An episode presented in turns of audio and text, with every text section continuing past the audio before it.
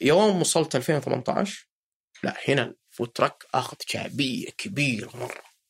حتى الإيفنتات اللي كانوا يدعون كانوا كانوا كل الإيفنتات أغلبها كانت تسوي لنا دعوة. لأنك انت تخيل إنك ال truck الوحيد اللي تسوي استيكات ولا مو بس استيكات تسوي تدخين لحوم. آه بس هذا بهذلنا ترى.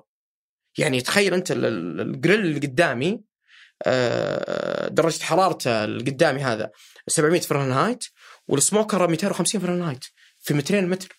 يا ساتر على الحر. وبدون مكيف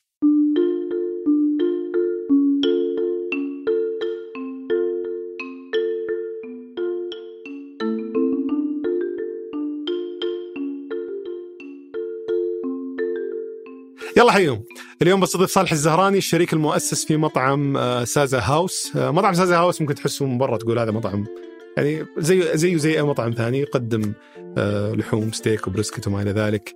آه، بس رحت مرة صدفة أنا ومجموعة شباب أكلنا في المطعم آه، وصادف وجود أحد المؤسسين هناك فقعدت أسولف معاه عن ال business ومتى فتحت وكيف وليش زي ما أسوي عادة إذا رحت أي محل أصادف فيه أصحاب المحل. فذكروا لي إنه ما بدوا المطعم مباشرة. وانما تحققوا أول شيء بالفكرة من خلال food truck قبل ما يفتحون المطعم. فكان عندهم يعني أحد أوائل ال food trucks اللي بدأت في الرياض هنا ويقدمون ال- اللحم أو steak بال food truck هذا. آه، وبعد ما شافوا أقبال الناس الكبير قرروا يقدمونه من خلال مطعم سازا هاوس بس مو هذا بس الجانب الوحيد المثير للاهتمام. في جانب ثاني إنه اللحم مهتمين في لدرجة إنه صالح الش- الشيف الرئيسي في المطعم آه، وأحد الشركاء. بنفسه يجيب ال- ال- ال- العجول المحلية على قولته. آه، يحطها في مزرعة يضبط لها دايت معينة أو دايت معين. آه، يدعي إنه يعلقها هنا. لاسباب تشوفونها في الحلقة. آه، ويعتني فيها بشكل كبير عشان يطلع اللحم على قولته يبهرها وهي- حيه العجول هذه عشان يطلع لحمها لذيذ جدا. تجربتي عشان ما أرفع التوقعات بشكل كبير لأنه بتسمعون بالحلقة يمكن كلام تفصيلي عن اللحوم وطريقة كيف تطلع بأفضل جودة وكيف إنه وش اللي يخلي اللحم زين عن الشين وتفاصيل كثيرة عن اللحم اللي محبين اللحم. بس تجربتي كانت حلو المطعم بس ما ودي أرفع التوقعات بشكل كبير أخاف ينعكس بشكل سلبي على آه، على المطعم. لكن صراحة في معلومات كثيرة جدا مثيرة للاهتمام سواء في كيف بدأوا البزنس آه، كيف يعتنون باللحم أو كيف يعتنون بالعجول قبل ما يعني يذبحونها وتحول إلى اللحوم اللي يقدمونها في المطعم آه، اهتمامهم في تجربة العملاء تجاربهم مع تطبيقات التوصيل المشاكل اللي واجهوها آه، أيام كورونا وما واجهوها مع البلدية في آه، قبل افتتاح الفرع أمور كثيرة جدا آه، مثيرة للاهتمام بنناقشها في حلقه اليوم فأتمنى تعجبكم. حياك الله أخي صالح. الله يعافيك حياك الله خلينا نبدأ هالمرة بشكل غير تقليدي، أنت كنت تبي تبدأ معي بسؤال. إيه. آه، تفضل. آه، ليش سازا هاوس؟ لي- ليش مستغرب إني السؤال؟ آه، لا مو مستغرب بس يهمني أنا إنه أعرف إنه ال- ال- ال- ال- ال- البراند هذا إنه ليه آه، أختير يعني وخاصه. برنامجك أنا كمتابع له يعني وشفت ال- ال- الناس اللي يطلعون فيه آه، ما شاء الله تبارك الرحمن. فكان يهمني أنا ليش سازا والله شوف أنا صار لي سالفة مع مطعمكم. كم ما قلت لك إياها قبل التسجيل. ال- بالصدفة اتفقت مع شباب ان ناكل هناك. يعني واحد تعرف لي يفتح Google Maps ويدور تقييم كويس ويلا خلينا نجتمع هناك غدا وناكل. فرحنا المطعم هناك وتعشيت وكذا وتغديت. لا تسألني كيف كان أكل الناس صراحة من زمان. بس كان كويس يعني ما كان في ملاحظة. وأنا رايح لدورة مياه بكرام بغسل لاحظت شفت الكاشير سعودي. واشتغل فضولي فيني؟ قلت أنت راعي المطعم وتعرف راعي المطعم بمعنى سألته سؤال طلع أخوك. ف وأنا تراني أدور يمكن هذا الشيء ما يعرفه المتابعين أدور الضيوف في هالفرص اللي زي كذا. ما شاء الله. يعني بايوتك نفس الشيء كان ضيف سابق آه، كنت أتسوق في المحل وساعدني وأنت راعي المحل. عندنا برنامج ورا. ف يوم قال لي أخوك إنه راعي المطعم سولفت معاه شوي. والشيء اللي لفت انتباهي؟ إنه قال لي عن شغلة يمكن نتشارك فيها في في تخصصي إدارة المنتجات. اللي هو كيف تسوي المنتج الأولي للتحقق بالفكرة وبعد قبل ما تنتج تطلق المنتج النهائي. يعني تعلم على المنتج الأول تطلق المنتج النهائي. كيف إنه بدل ما تبدون مطعم على طول سويتوا food truck تحققتوا من الفكرة ثم فتحت المطعم. يوم قال كذا قلت okay لحظة هنا في شيء. هنا هنا في هنا لازم نعرف إيش صار. هنا. هنا, في لأن هذا اللي نسويه نسميه المنتج الأول أو ال MVP في إدارة المنتجات الرقمية.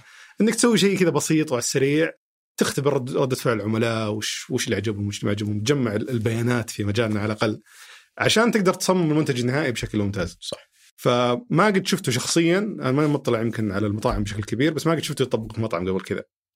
الحمد لله. فمهتم أعرف التجربة حقتكم. آه ليش بديتوا food truck؟ هل فعلا أنت بديت فيها كمنتج أولي تبي تختبر ولا إنه بعدين ظبطت القصة راح بهالطريقه؟ تفهم مع مع الحلقة إن شاء الله؟ راح تفهم في مع الحلقة حلو. إن شاء الله بإذن فوش اللي خلاك أول شيء؟ أنا أعرف إنه كان في يعني ما- بوقت فترة طويلة بين يوم جتك الفكرة من 2008 الين ما بديت الفود تراك في 2013 آه، الفترة هذه أول شيء ليش ليش طولت؟ وكيف جتك الفكرة أساسا من 2008 آه، اولا الفكرة كانت إنه أنا شخص أحب اللحوم. وما كان يعني آه، خاصة في منطقة الرياض.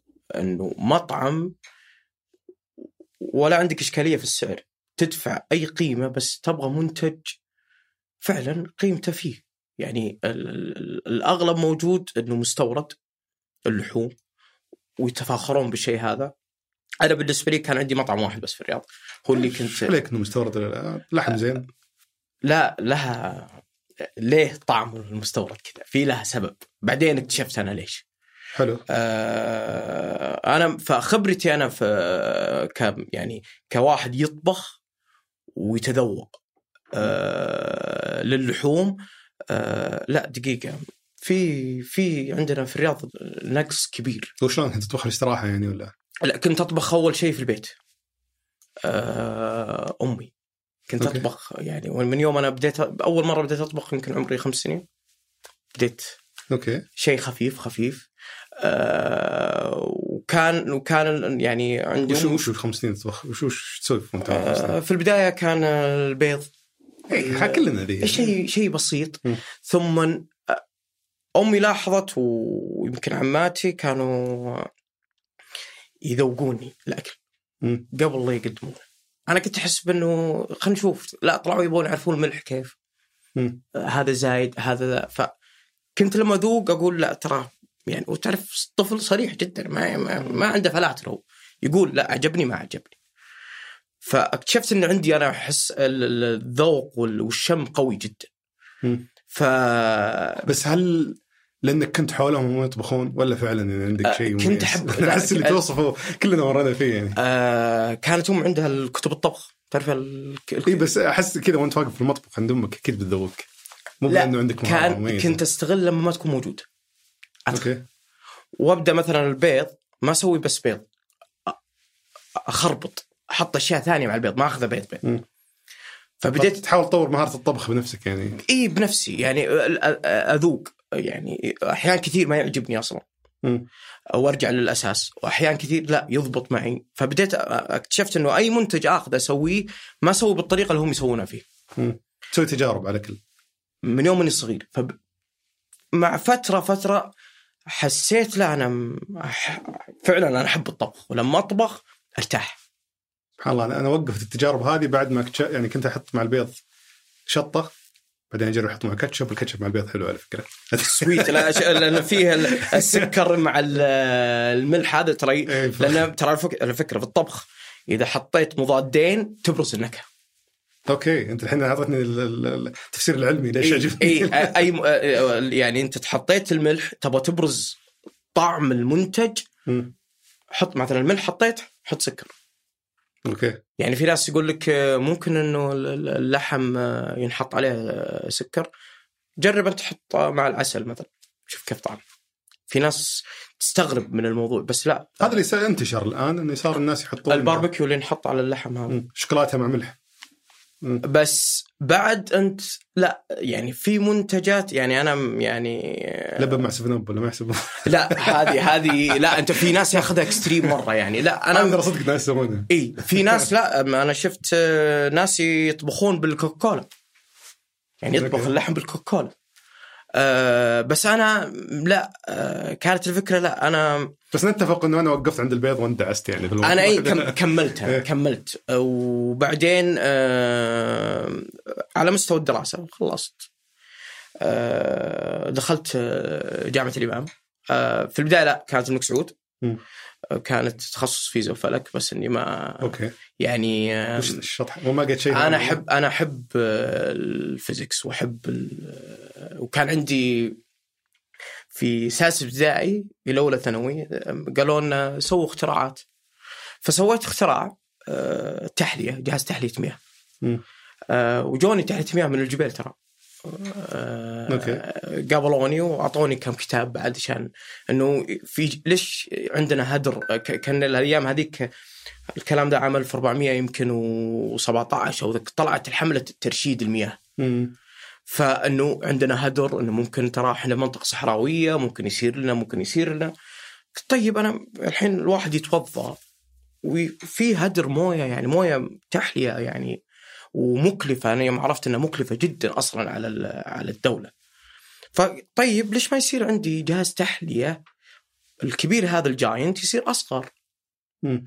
ويفصل ويصير في فلاتر يفصل ال chemical ويفصل الأشياء هذه ويرجع يكرر في ال... وكل نهاية 30 يوم تسحب الموية في البيت وتضخ موية. يتوضؤون الناس بنفس الموية. نفس الموية. بس طبعا أنا ما ودي يعني أتكلم كثير برا ال business اللي سويته. فخلينا نوصل للمرحله اللي انت الحين طبخت ويمكن تطورت مهاراتك في الطبخ متى قررت إنك تسوي.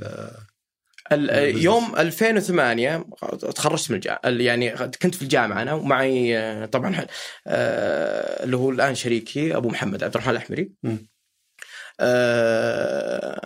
نتشارك أنا وياه في حبنا للحوم فكنا نسافر عشان نذوق اللحوم نسافر برا السعودية نروح مطعم في الهالدرجه أنا توني جاي بقول لك إنه وش المميز إنك تحب اللحوم؟ بس okay دامك تسافر لدرجة إنك تذوق إيه، اللحوم okay. اي ف آم، آه، لما تذوق اللحوم برا تقول يا وحتى ال- القيمة حقتها أرخص بس الطعم جدا مميز. طيب ليش هذا ما يكون عندي أنا في السعودية؟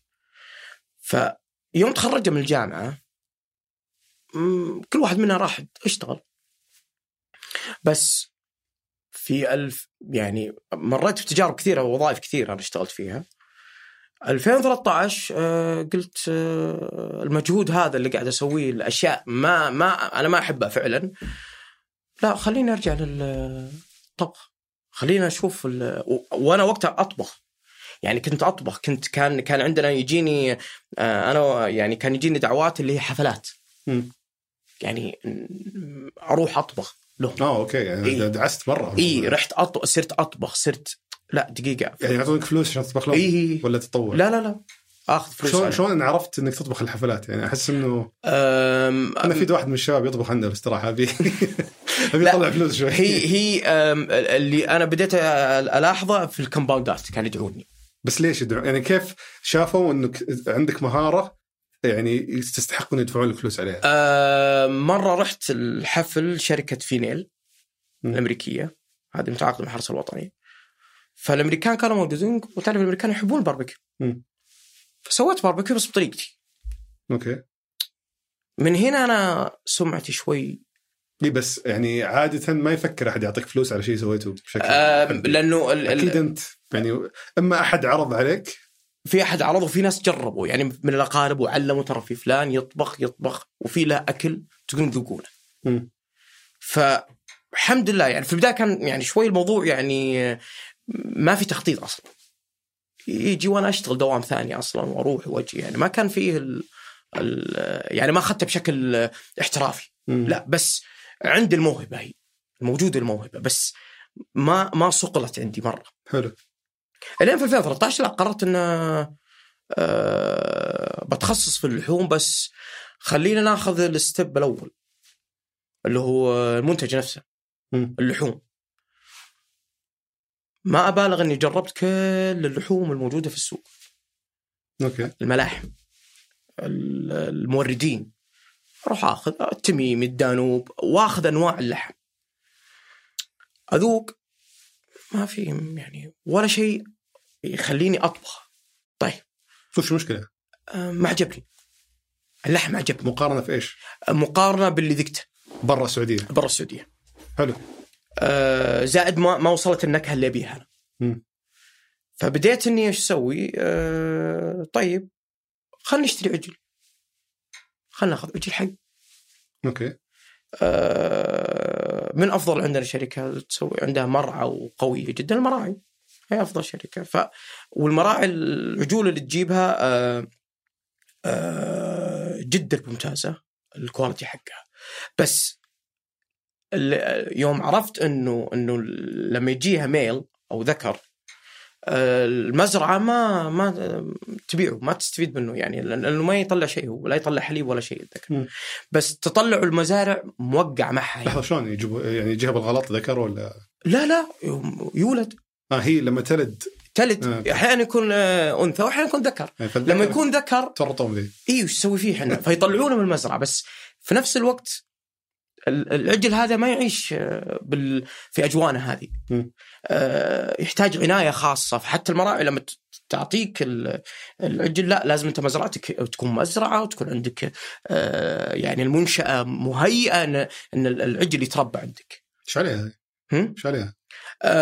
لأن كنت في الأخير العجل باسمه أوكي وعشان ممكن يصير يخليه يموت. وإذا مات خسر طيب أنا المزرعة أشتري منك أشتري منك عجول تموت عندي؟ فهم بعد يهتم في عميله. فكانوا يعلمونه لأنه حتى المربين عندهم هناك آه، ما, ما هولنديين. فهمت معليش. آه، إذا هو جاك أعطاك عجل بالك اياه وش يهمه بعدين؟ خلاص أخذ فلوسه. ليش يهتم ب يهتم بان لا هو يعطيك التعليمات إنه كيف تخليه يعيش. ليش؟ وش يهمه؟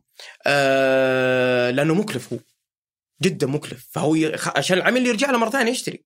يشتري من okay. المراعي. فهو ما يبيك تاخذ تجربة سيئة أي. ولا ترجع تشتري ولا من ترجع المرة. تشتري. okay. والمراعي عندها standard قوي جدا يعني. حلو. فوصلت لواحد من المربين آه، في 2013 جيت عنده قلت أنا باخذ من عندك أربع عجول مربين وين هذول؟ في الخرج. أنت رحت له يعني ولا آه،؟ أخذت اسمه. من وين؟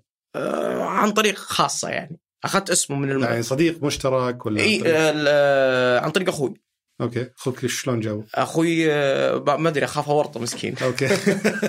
طيب فجبت بطريقة ما. يعني أنا أحب أعرف صراحة ال- ال- الطرق هذه بس جبت عن طريق آه، شخص مشترك بينك وبين اللي يربي نعم. ال- ال- العجول هذه. فرحت المربي حلو. العجول كانت عمرها يوم واحد.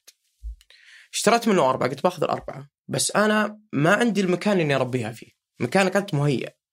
فأنا باخذ الأربعة منك وبجيب عامل عامل عندي أنا أه وبستأجر هو المزرعة لأن فيها أكثر من بير. فواحدة من الآبار باخذها بستأجرها منك ليش تبي في البير؟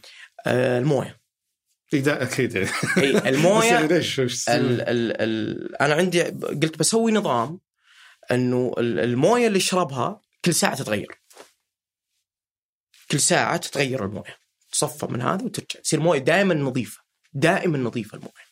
أوكي زاد أنه ما يوم اخذت الأربعة قلت خلنا أبدأ الحين كل شيف يقول لك أنا عندي بهارات عندي صوص معين عندي لا أنا قلت خلني أبغى بهره وهو حي أوكي هذه الفكرة شلون تبهره معي؟ يعني نظام غذائي آه، فأخذت أول اثنين آه، يعني أنا طبعا أبغى أوصلها لعمر ستة شهور إلى ثمانية شهور. اللي هو تسمى آه، بالعربي بتلو. okay. اسمه.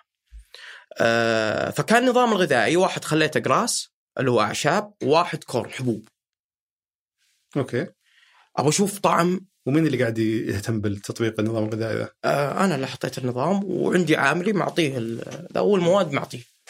والمويه سالفة ال... المويه هو العامل المسؤول. لها علاقة باللي سويته في الثانوي في المدرسة. آه، لا المويه المويه لأنه أنا كنت أبغى أنه لأن أحيانا أشوف عند المربين إنه المويه تلقاها شوي وسخة فيها آه، آه، بقايا أكل فيها لا. وال وال وال وال والحيوان يشربها ما عندي مشكلة هو. لكن طبيا هي تنعكس عليها أصلا. على كبدة بعد على لحم. يغيرها كل شوي؟ اي تصريف تروح لل... للمزرعة نفسها يعني. يسوون آه،. فيها و- حلو. ويمشون فتغير دائما. تتغير دائما. كان أنا أهم شيء عندي الموية والتغذيه حقته. حلو. وش كان الهدف من الموضوع هذا؟ آه الطعم.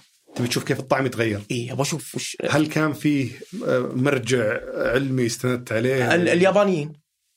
آه، كيف سووا مع الواقي يعني مو بتجارب عشوائيه زي ما كنت تسوي مع البيض؟ لا لا لا لا. أنا أنا لأنه لأنه آه، أبدأ من الأساس. خليني أشوف ال- آه، آه، كيف أقدر أوصل اللحم. هل بوصل؟ أو لا خلي المشروع ينام إذا ما وصلت إنه يعني أسوي له شت داون يعني أنهيه إذا ما وصلت أنت النتيجة اللي تبيها. تمام. آه، فأول اثنين خليت واحد نظامه بس أعشاب والثاني بس حبوب. وفي اثنين ثانيين الاثنين الثانيين لا خليت شهر أعشاب وشهر حبوب. زائد آه، التريتمنت اللي هي اللي يسمونها ال- الحلوى. اللي هي العسل كنت اكلهم أعطيهم عسل وش دور العسل في الموضوع؟ العسل آه، أصلا شوف أنت الإنسان العسل في في على العضلات وعلى هذه آه، يسوي له هيلينج ويسوي لها بعد اللي هو استشفاء ويسوي له آه، طراوة يخليه لين سوفت بدأت تجوعني أنت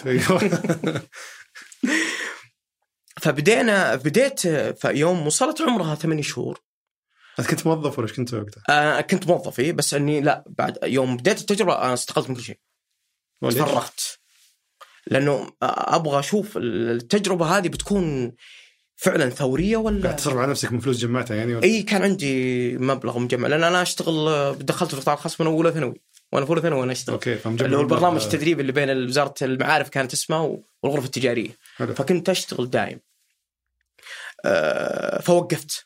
وقفت عشان أركز. أبغى أشوف الفكرة هذه وين بتولد يعني. حلو. آه، يوم وصلت عمرها سبع شهور ذبحت الاثنين. اللي ال- الأولين الاثنين اللي هم اللي كان أعشاب وكان ذقت طعمهم. فشلوا فشل ذريع. يعني ما كان ابدا إنه. الثانيات يوم ذبحت واحد منهم. لا. طبعا هذا كان بنهاية آه، آه، كان في شهر 2 2014 مم. كان الطعم مختلف جدا. يعني طعم ما ذقته قبل.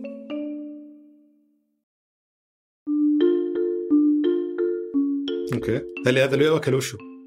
هذا اللي أكل ال- النظام الغذائي اللي شهر أعشاب وشهر كور okay آه، ففرق معي الطعم جدا مم. طيب وش بسوي الحين باللحم ذا؟ أنا خلاص أنا الحين يوم شفت إن اللحم بس بعد ما وصلت إلى الطعم اللي أنا أبيه بعد فيوم حسيت إني مسكت الخط شوي مم.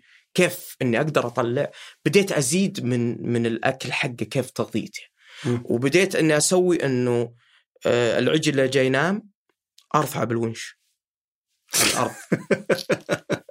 عشان ما يكسى عشان ما يصير واقف على حوافر. لأنه هو ينام وهو واقف. يا أخي شوف أنا معك. يعني مرة غريبة الأشياء قاعد تسويها بس الفكرة إنه ما كنت أفكر إنه طيب أوكي نجحت التجربة هذه. وشلون بجيب لي 70 ونش يشيل العجول؟ بعدين إذا صار عندي مطعم يجيب أنا بالنسبة لي كانت التجربة كذا. خليني أشوف إذا توسعت لها طريقة ثانية. حلو يعني لها طريقة ثانية. بس آه، أبغى أشوف لأن اليابانيين يرفعونه هذا أحد الأشياء اللي مخلي الواقيو من أغلى اللحوم في العالم يعني. مم. يعني ال- الواقيو ترى ينباع بالمزاد أحيانا في اليابان ويوصل ال- الكيلو حقه ب 5000 دولار. okay. موجودة مقاطعهم في اليوتيوب اللي هي كيف ينباع في المزاد. ف آه، ويوصلون بط- طبعا هم أحد الأشياء اللي يخليه غالي ال marbling أو الترخيم في اللحم. الترخيم هذا إنه ما لازم العجل ما يتحرك كثير. بسم الله عليه. يقعد يمشي تخليه يمشي وذا بس والونش ذا من جبته استأجرته يعني؟ اي عادي ونش عادي بس آه، حبال strap. اي داري بس يعني. مكلف الموضوع بس. لا لا هو كان موجود في المزرعة أصلا. هو عنده آه. ونش يشيل الأغراض وهذا. فقلت حتى الرجال استغرب مني قال أنت يعني تذبح وتعلقه قلت لا لا أبغى اشيلها أنا. بس أبغى أرفع الأرض. فيه ينام بالهواء. اي أبغى لا شوي بس إن لا لا تلمس حوافر الأرض. بس. وكي يقدر ينام وهو معلق. هو خلاص نام. إذا نام ينام. يعني أوكي. ينام خلاص. هو مرتاح أصلا. هو مرتاح. بس أنا شلون- كنت شلون تنزله؟ إذا صحى. خلاص هو أصلا يصحى. يصحى أصلا في المزرعة. تسمع الديب تسمع الدنيا والعالم. فهو يصحى أصلا.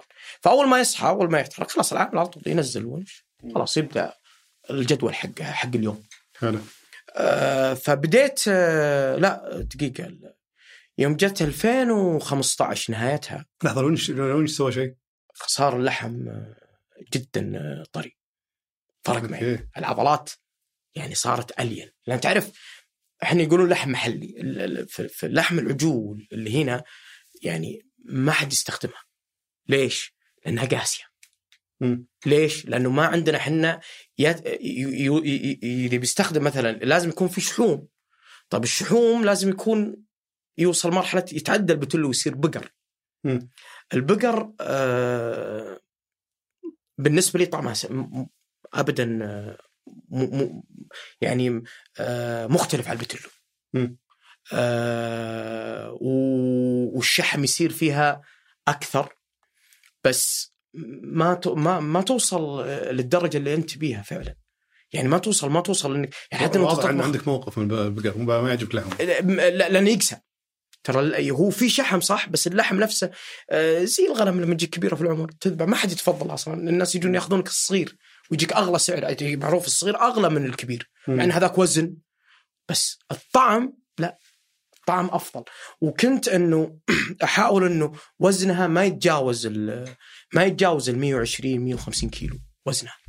هي بالعادة الطبيعي يوصل ترى من 300 350 إلى 450 كيلو وزنها. حلو. يطرح لك لحم كبير. فأنت كتاجر تقول أنا بالعكس أبغى لحم كثير عشان عشان إني ابيع طب نجحت الآن تجربة الونش؟ نجحت. حلو. كم كنت تنتظر لين ما تجرب آه سبع شهور ثمان شهور. وقاعد تصرف على نفسك ذا الوقت؟ أصرف على نفسي. أوكي. كم كنت تصرف على نفسك في الشهر؟ والله أحيانا في الشهر يعني في آخرها قبل أبدأ ذا وصلت إلى 2000 ريال تقريبا. خلاص. مرة م- اي. خلاص خلاص. بس أنا أنت شوف لما تكون وص... عندك شيء. طيب. الحين كيف آه، أقنع الناس فيه؟ أصلا من كنت تذوق معك؟ ما كنت كنت تاكل اللحم كله لحالك؟ لا لا لا لا. أذوق العالم. نقرس. إي لا لا أذوق العالم أذوق العالم. يعني أذوقهم دائما أعطيهم أنه وشاركوك ال- الانطباع ولا ولا ما فرقوا؟ لا في ناس لا فرقت. وفي ناس كانوا أصلا ما يحب يذوق العجل يعني عندي الوالد الله يطول بعمره ما كان مستحيل يأكل الوالد غنم حاشي. مستحيل إنه. فأنا سويت له مرة وقلت هذا حاشي. يوم ذا قال من وين جبت ذا؟ ومن وين؟ نبي لرمضان فرمه ونبي. قلت لا اللي أكلته عجل. كان مستحيل. مم. مستحيل. لأن حتى الأضلاع حقته يعني أضلاع في ناس كثير حتى لما يجون المطعم يحسبونها غنم. اضلاعه صغيرة. مو لأنه قلت له هو صغير في العمر. أوكي. فبدأ بدأ إنه لا الموضوع آه، يعني حتى الناس اللي ما تحب قالوا لا الطعم و- وأنا أنا اقتنعت. يعني أنا قعدت يمكن سنتين لين اقتنعت. أنا ما اقتنعت. سنتين تسوي تجارب على إي العجول إي لين 2015 أوكي. طيب. ها يا أبو محمد يلا. طبعا معي أبو محمد. لحظة هو كان معك في التجارب ذي كلها؟ إي معي أبو محمد أنا. شلون دخلته معك؟ هو أنا وياه لو من البداية فكرة بس شلون. رجعت له قناته؟ هو طلع من وظيفته بعد ولا؟ آه لا وقتها كان يشتغل حلو وقتها يشتغل. وانضم لك من البداية آه كان معي يجي يشوف التجارب يشوف ذا يعني يجي وش وش القيمة اللي يضيفها هو للموضوع؟ آه أثق في ذوق أنا أوكي يعني أثق في ذوق ف إيش رأيك؟ آه طيب دراسة جدوى عشان نبدأ المشروع طيب ليش ما نسوي دراسة جدوى فعلية؟ خلينا من الورق اللي دائما العالم متعود عليه دي خلينا ننزل منتج في الناس تذوق مم. أبغى أشوف آه، كيف الانطباع من الناس إنك مسألة إنك تنزل بستيك مو أنت كنت تقدمه كستيك لا في البداية كان أول شيء قل- قلت اللحم المفروم إيه. اللي هو برجر و- وابو محمد كان يعني آه، شايف ان الفكرة إنها كانت بتكون يعني مربحة أكثر. فيوم جينا سوينا ال food truck ال food truck طبعا آه، ذيك الأيام ما كان في food تراكات أصلا. سنة كم هذه؟ 2000 ن- نهاية 2015 آه، 2016 آه، خلصنا. طبعا أنا سوينا في الصناعية القديمة. اشترينا صممتوه ما شاصي هايلوكس إيه. اخذنا 800 ريال قيمته 800 ريال؟ إيه. أوكي لأن تشليح اخذنا بس. الش- المحور اللي ورا بس فقط أوكي وسوينا طبعا كنا إلين طلع طلعنا من food truck ترى كنا أصغر truck موجود يعني متر في مترين فقط وانت تقول انك كنت من أوائل التركات اللي إيه، نعم. إيه. اي فبديت قبل ما يكون في ترخيص ابدا. ابدا ولا ترخيص ولا أي شيء حلو وش خلاك تفكر ب food truck طالما هو ما كان شيء منتشر الوقت ذاك؟ آه الأمريكان إنهم ينزلون بمنتجاتهم وكانوا عندهم ال food truck عندهم آه، أقوى من المطاعم أحيانا. في food تراكات هناك أقوى أقوى بكثير من المطاعم. ف- ف... فقلت هذه يمكن أرخص طريقة تجرب فيها المنتج. أبغى أجرب ال- أبغى أجرب أبغى الناس اللي أصلا بستهدفها تذوق ال- تذوق المنتج هذا. طيب هنا أنا في شيء ما فاهمه أنت كان عندك already يعني access على جماهير يدفعون لك فلوس عشان تروح تطبخ لهم عشان ليش تروح تسوي ترك؟ يعني راح للناس هذول اللي قاعد آه ال- ال- ال- اللي كنت أطبخ لهم آه كان يرضيهم أي شيء أي شيء. أي شيء أسويه حلو آه هم يعني جايين عشان الجو أكثر بس من شكرا. لك أنا جواتي ماني مقتنع. أنا ماني مقتنع بال... بال... بالشيء اللي قاعد أسويه أنا وصعب إنك شوف خاصة في الطبخ إذا أنت ما أنت مقتنع بال يعني أنت عارف النتيجة. الناس يعني الناس. يعطونك المدح يعطونك هذا بس لا بعد أنا أنت ما تبي واحد يجي عشان عزيمة تبي أنصاك أنت. بس أبغى أبغى أبغى يعرف أنا يعني فعلا أنا أحيانا لما أخلص الحفلة أو أو العشاء مستوى الرضا عندي يكون يعني يكون ما هو باللي أنا أبيه. يعني لا لا. تلقى ما حد غيرك منتبه أصلا الموضوع وهذا أنا وصلت فيها معاناة. يعني معاناة يعني حتى مع الشباب اللي معي. آه طبعا بدينا ال food truck كان معي طبعا عبد الرحمن الأحمري وأحمد الزهراني وحاتم العتيبي. آه أنا احسب كلكم إخوان الأربعة. لا لا لا. أوكي. حاتم وطبعا هذول عيال حارة حاتم حارة. وش وش دخل معك حاتم؟ آه خوينا. كان في في بداية كان جالس معكم وأنتم تسولفون تخرج من الجامعة ما عنده شيء قاعد. حاتم تعال معي. كلكم شركاء؟ لا الحين الشركاء أنا وعبد الرحمن. آه أوكي. بس المؤسسين إحنا نتكلم عن اللي بدينا في ال food truck لا كانوا معي بعد أحمد زهراني وحاتم العتيبي. هذول كانوا معي من أول يوم ال food truck. كانوا معي. جميل. أحمد أخوك الصغير صح؟ أحمد أخوي الصغير. طبعا أحمد أنا من قبله كنت لما أروح أي وظيفة أجي الوظيفه أقول باخذ لازم يكون معي. أنا نجي package أنا واخوي إيه يعني وكان طبعا على فكرة فرق سني بيني وبينه ترى تسع سنين. مم. فرق بيني وبينه. فك... فكان صغير أصلا حتى ما كان يدخل التأمينات.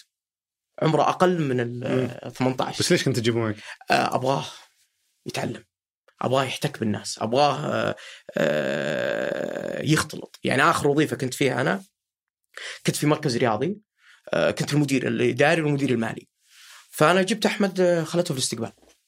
ريسبشن فكان يواجه ال- الناس. في البداية كان عندي إلين إلين قابلت أنت. شفت كيف أحمد صار. مم. يعني أحمد ترى يعني ما شاء الله عمره الحين 24 سنة. ما شاء الله. هو اللي ظبطك في المقابله هو اللي ضبط المقابلة. ف وكان عندي يهمني بعد دراسته. أه، ف- بس أنا أعرف إن الدراسة مهمة بس الشق العملي أهم بعد. بي- بيعطيك مهارة قوية جدا. كلها مهمة يعني كلها تنتهي. كلها الثنتين جدا أي. مهمة. ما ت... ما ت... أي لا لا تاخذ بس. دراسة وتقول أنا شهادتي هي اللي صح كلامك صح. بس إحنا في عالم بعد لما يكون عندك حرفة ترى لها value لها قيمة. كل الثنتين أنا أتفق معك تماما. الشهادة لحالها والله لو إنك تاخذ ماستر دكتوراه إذا ما معها آه ما بيقول خبرة عملية بالضرورة بس إذا ما معها مهارات ف وأنت أم- أم- يعني أم- أم- أنا أشوف أنا كصاحب شركة إنه لما يجي تقدم لي واحد شهادته ما شاء الله قوية ويعني يوصلون للناس عنده مرتبة شرف. بس ما عنده أي ما توظف قبل ما ولا عنده قبل، إنجازات تذكر ولا شيء. واحد ثاني مثلا متخرج بس معدله مثلا جيد أو مقبول بس عنده مثلا أربع سنين عمل. أو حتى لو الناس يتصورون أحيانا إنه لازم تسوي شيء كبير. حتى لو يقول لك أنا أ- أ- أنا كنت في الجامعة وبالليل أبيع شاي. يعني بس ورني إنك فعلا خدمة عملاء في بنده ولا بالضبط مكان. ودنك تحب الشغل بس. ودك تشتغل بس. هذه هي يعني أنت أنت أنت وريني آه، لأنه هذا اللي اللي اللي اشتغل عنده خبرة حتى لو مو في مجالك بس عنده خبرة عنده أساسيات. عنده نضج أكثر. ال- ال- ال- اللي متخرج من الجامعة توه متخرج هذا يحتاج أصلا يعني عمل كبير. عشان فأنا أحمد خدتها من البداية. حلو فقلتوا بنبدأ food truck أول شيء. نبدأ ال food truck فأبو محمد يعني هو اللي كان بعد هو اللي يعني كان الرا يعني كان كانت الفكرة يعني معاه ال food truck إنه ترى أنا شفتها في أمريكا وذا فخلينا يعني بتكون معنا إنه ذا. ف طيب كيف نسوي ال food truck هل صغير كبير؟ فاتفقنا يكون صغير. ال- ال- اللي صار إنه طيب الطبخ. مم. وش نطبخ عليه؟ على الحطب. أيوه. في ال truck. على الحطب. أنت مصر تصعب حياتك. شوف أن أنت في شيء تبغى توصل له في نكهة معينة. آه الغاز والكهرب. أنا كشيف ما يوصل لي النتيجه اللي ابيها. ابدا. ما ترضيني. ابدا ما ترضيني. بس الحطب لا. الحطب غير.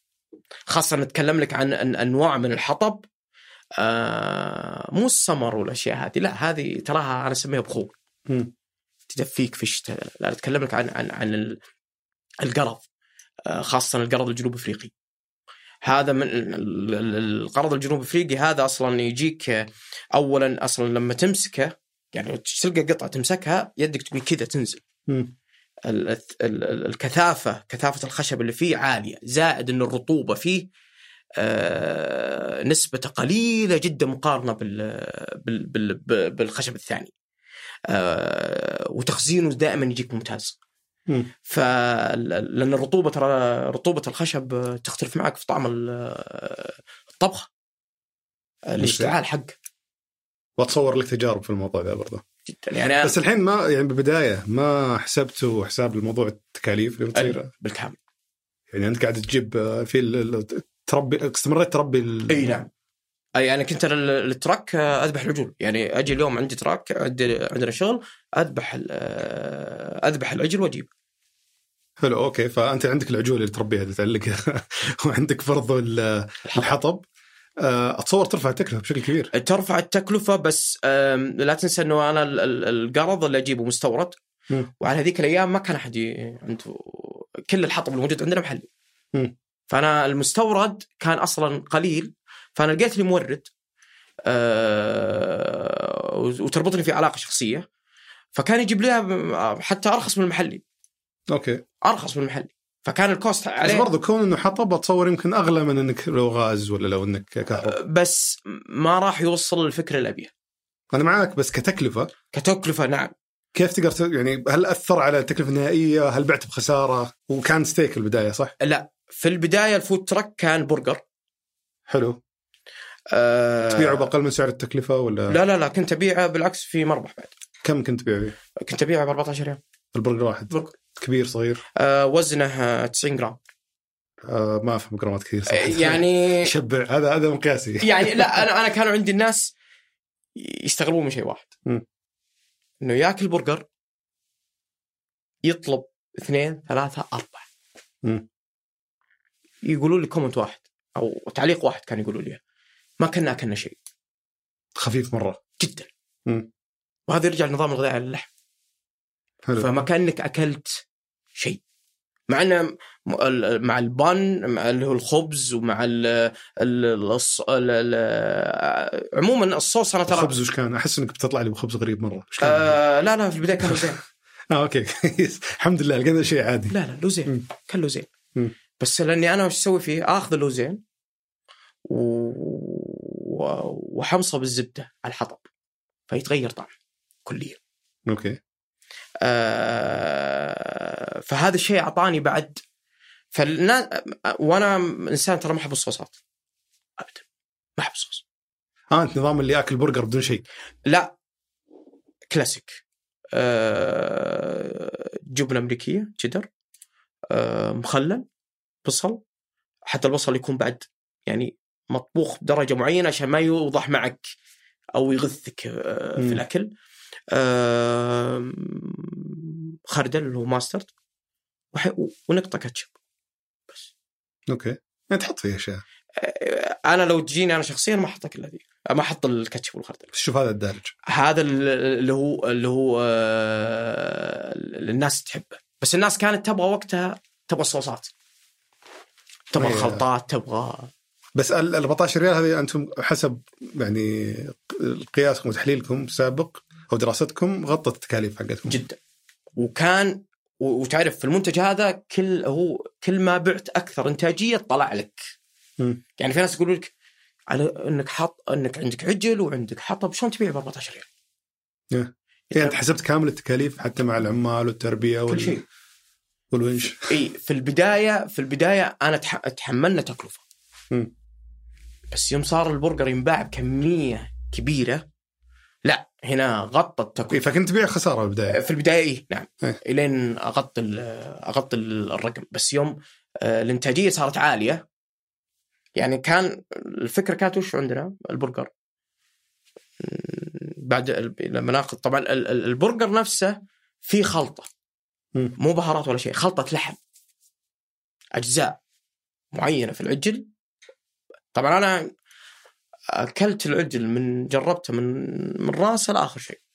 كل لحمة لحالها. يعني كل لحمة لحالها. وبديت أخلط. وبديت بعدين لا وصلت مرحلة احترافية أكثر. صرت آخذ بالجرامات. كأنك تسوي آه، شاهي وتحط السكر تقلل تنقص. ف الين وصلت خلطة في اللحم. بس هذه أتصور يوميا ك...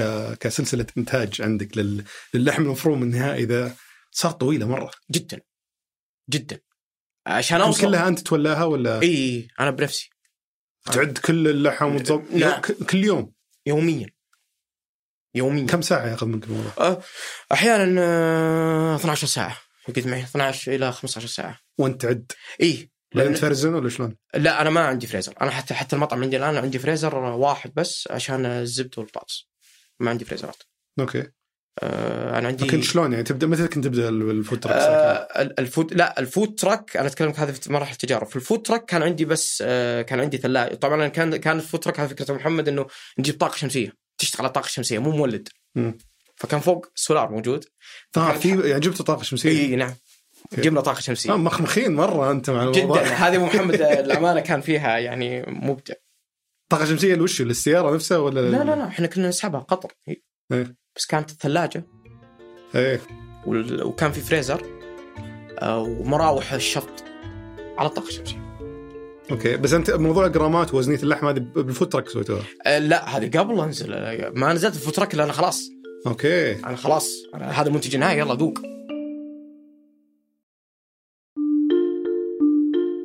حلو فأنت الحين سويت ال food truck أبو طاقة شمسية كل الأجهزة اللي جوا وال food truck آه، تدري كم كلفني؟ كم؟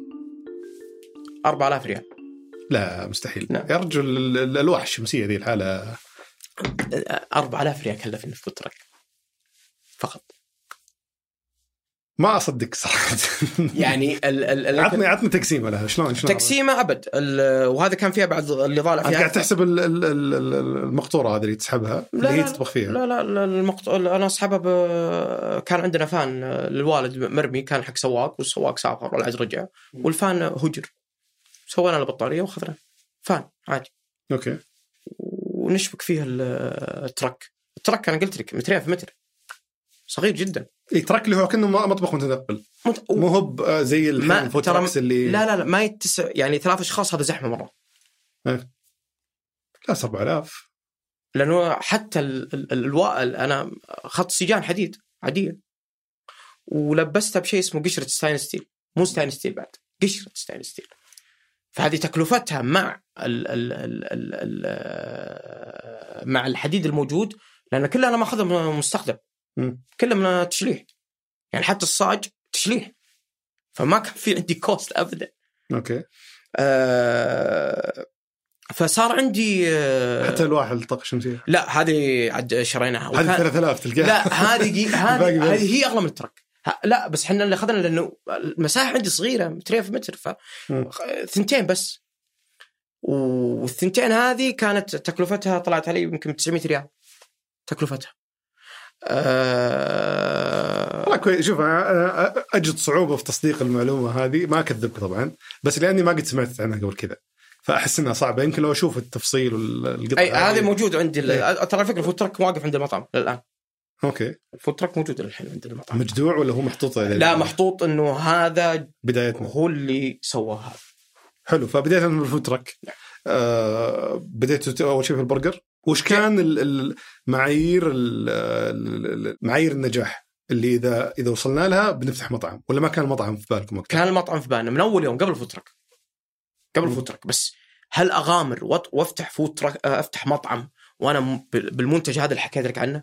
حلو فأي منتج أولي على الأقل في- مجالي لازم تحط له معاي- معايير نجاح معينة إنه إذا وصلنا لها فبنتحقق من بعض الأمور ونطلق المنتج ونستثمر في المنتج النهائي اللي بنسويه. فوش المعايير اللي كانت كان عندي. إنه أنا عندي رقم معين كنت في الإنتاجية. إذا وصلته واستمر هذا الرقم راح أوقف البرجر ليش؟ أبغى خلاص أبغى أكسب الناس.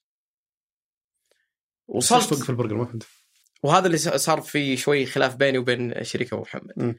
جاء يوم إنه البرجر يعني آه، كنا نفتح آه، آه، طبعا كان نفتح على المغرب كذا العشاء والمفروض نقعد للفجر فاتحين إحنا ال food truck. لكن إحنا ما كان يجي الساعة 9 ونص 10 إلا سولد اوت أوف. كامل. وزحمة اتصور وين كنت في في الثغر في البداية. كان في منطق معين خلف اختيار المكان ولا؟ كنا إحنا متجمعين إحنا التراكات المختلفة كنا واقفين جنب بعض كنا عددنا أربعة خمسة فقط. كنا واقفين جنب قهوة. شلون شلون اتفقتوا على المكان ذاك ولا؟ ما اتفقنا. ما نعرف بعض أصلا. أنت لقيت ناس هناك رحت عندهم ناس وقفت ال... أوكي. وقفت وصار اتفاق أصلا بسيط بيننا وبينهم. بيني وبينك عمود كهرب. ونوخر. حتى أنا أول مرة أول يوم آه، وقفت ال truck طبعا أنا حطب. فحط مدخنة أصلا مم. فاللي بجنبي يبيع mini pancake فجاني قال أنا أنا سويت ريحة ال- الحطب واللحم قلنا خلاص ما مشكلة نغير مكاننا إحنا. غيرنا وصرنا عرفنا وقتها ان مشكلة الدخان هذه مأذية ناس إحنا مستمتعين فيها بس تأذي الناس الثانية. مم. آه فجاء يوم آه، يوم شفنا البرجر ذا بس لحظة ما بداية واجهت مشاكل مع المرور اتصور بلدية جدا. يعني أنا أول يوم نزلت فيه الفود تراك أول يوم. رحت أصلا قبلها بيوم للبلديه قلت أنا عندي هذا وعندي منتج. ما نعرفك ما نعرف وش وش. اشتغل اشتغل. كذا. طيب. أنا كان هاجسي. طيب. عندي سؤال. لو يصير تسمم وشلون بتجيبني؟ وشلون شلون ب... ب... ب... ب... آه، بتقدر تتبعني؟ على قولتهم مالي والي أنا. ما عندي مرجع. أبغى جهة أكون تحتها انضم تحتها. وفعلا يوم آه، ت- تجاهلوا الموضوع. تجاهلوها بالكامل. آه، لأن أعرف المنتج اللي عندي أنا وأعرف وش اللي بقدمه. بس في ناس ثانيين بيدخلون السوق آه، ما عندنا المعايير اللي عندي أنا. أنت بتحمي نفسك ومن يعني على الأقل تصير بجانب نظامي وبرضه صعب الدخول مع المنافسين اللي اللي ما اللي ما. يهتم بال بال. بال... بس عشان ما نطول كثير بالموضوع بعد الترخيص تصور انحلت المشاكل دي بعد ما صار في ترخيص. ما لا إحنا أصلا التراخيص آه، مشكلتها إنه كان يجيك حق المرور يمشيك يجيك حق البلدية يقفلك. أنا مرة آه، كان معي حاتم كان جوت الترك يسوي يشب الحطب. فأنا قلت بروح أجيب أغراض وبرجع. شوي دق لي حاتم قال العربة تتحرك. أوكي. أناظر ال- المرو ال- ال- البلدية آه، رابطها في سطحها ساحب ولا يدري إن فيه. فأنا أمشي تعرف حلقة 18 ده حدة حدة. كذا. أقول هو يقول إيش تبي؟ أنت وقف الحين. خذ الترك. خذ الترك في آدمي جوا. ما صدقوا إلا وقف الرجال حتى كان الحطب والسرن أوكي. فهم تنزلوا الرجال بعدين خذوا خذوا ترك أنتم كيفكم؟ بس الرجال جوا لا يجي شيء. يعني سحبوه. فحتى يوم شافونا قال انصدموا إحنا سعوديين. البلدية. سعوديين؟ والله سعوديين. جايين الحين نترزق. فحتى الامانه الحمد لله يعني ما حجزوها. بس كلها تصلحت بعد ال إي بعد الترخيص. بعد الترخيص آه، صارت في منظومة تشريعية. لكن أنا وقتها أنا أصلا خلاص ال- 2017 آه، كان ال food truck حقي مميز في إن الوحيد اللي يسوي ستيك يا انت ليش ما قلت لي أول شيء وش معايير أي. النجاح اللي كنتوا بتسوونها؟ وصلنا لرقم معين في في البرجر كنتوا تبغون توصلون رقم معين في البرجر من البداية؟ آه، اي ضمن؟ إنتاجية اي إنتاجية معينة توصل إذا وصلنا الرقم هذا والرقم هذا إنتاجية بناء على سحب الزباين قصدك نعم فإذا سحبوا الزباين هذا الرقم وش بتكون النتيجة المفروض؟ اي أنا ال- الخطة هذه كان داخلي إيه. ما قلتها لشريكي يوم وصلنا الرقم قلت أبو محمد بنوقف البرجر شلون؟ ليه؟ شو السبب؟ قلت بننزل ستيكات. ليش؟ وش علاقة الرقم اللي وصلتوا له بإنك توقف ستيك أو برجر تروح ستيك؟ الستيك إذا نزل وبالسعر اللي بنزله ما راح ينطلب. بينطلب البرجر بعدين ستيك ما أحسه مناسب لل food truck إي بالضبط. أنا جايب سيارة أعطني شيء اكله بسيارتي. وهنا الفكرة صارت. دخلنا يعني وبعد نقاش تفاهم محمد قلت الفكرة اللي بسويها ترى مو الآن. الفكرة هذه بعدها بعدين. بتكون بعدين بنشوفها بنشوف نتيجتها وش. فنزلنا التند اليوم المشهور. كم كان سعره؟ كان سعره ب 70 ريال. يا ساتر. أوكي انت مو بس غيرت المنتج انت صقعت ابو السعر فوق. فتخيل انت البرجر عندك ب 14 و tenderloin ب 70 وش تبي وش كنت بتسوي يعني؟ اللي هو الستيك. بعدين كيف بياكلون الناس؟ اي هنا الفكرة صارت. انت طلبت ستيك مم. أنا أسوي لك إياه تاكله في السيارة. شلون؟ آخذ الستيك يتقطع cube ات ويتقدم معه آه، mashed potato. في البداية أنا كنت حاط آه، خض- خضار مسلوق بس اكتشفت آه، ربعنا ما يحبون فسويت رز. okay. رز أبيض بس مو رز أبيض عادي. رز أبيض نثري. على. حطب. أوه. ف ومدخن. فالعالم لا لا وقف وقف وقف وقف.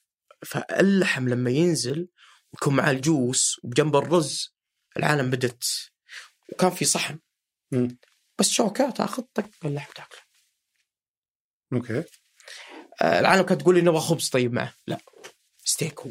ستيك معك بالخبز شوكه وسكين أنا اقطع لك أنا اقدم كم قطع أنت ما تقطع شيء.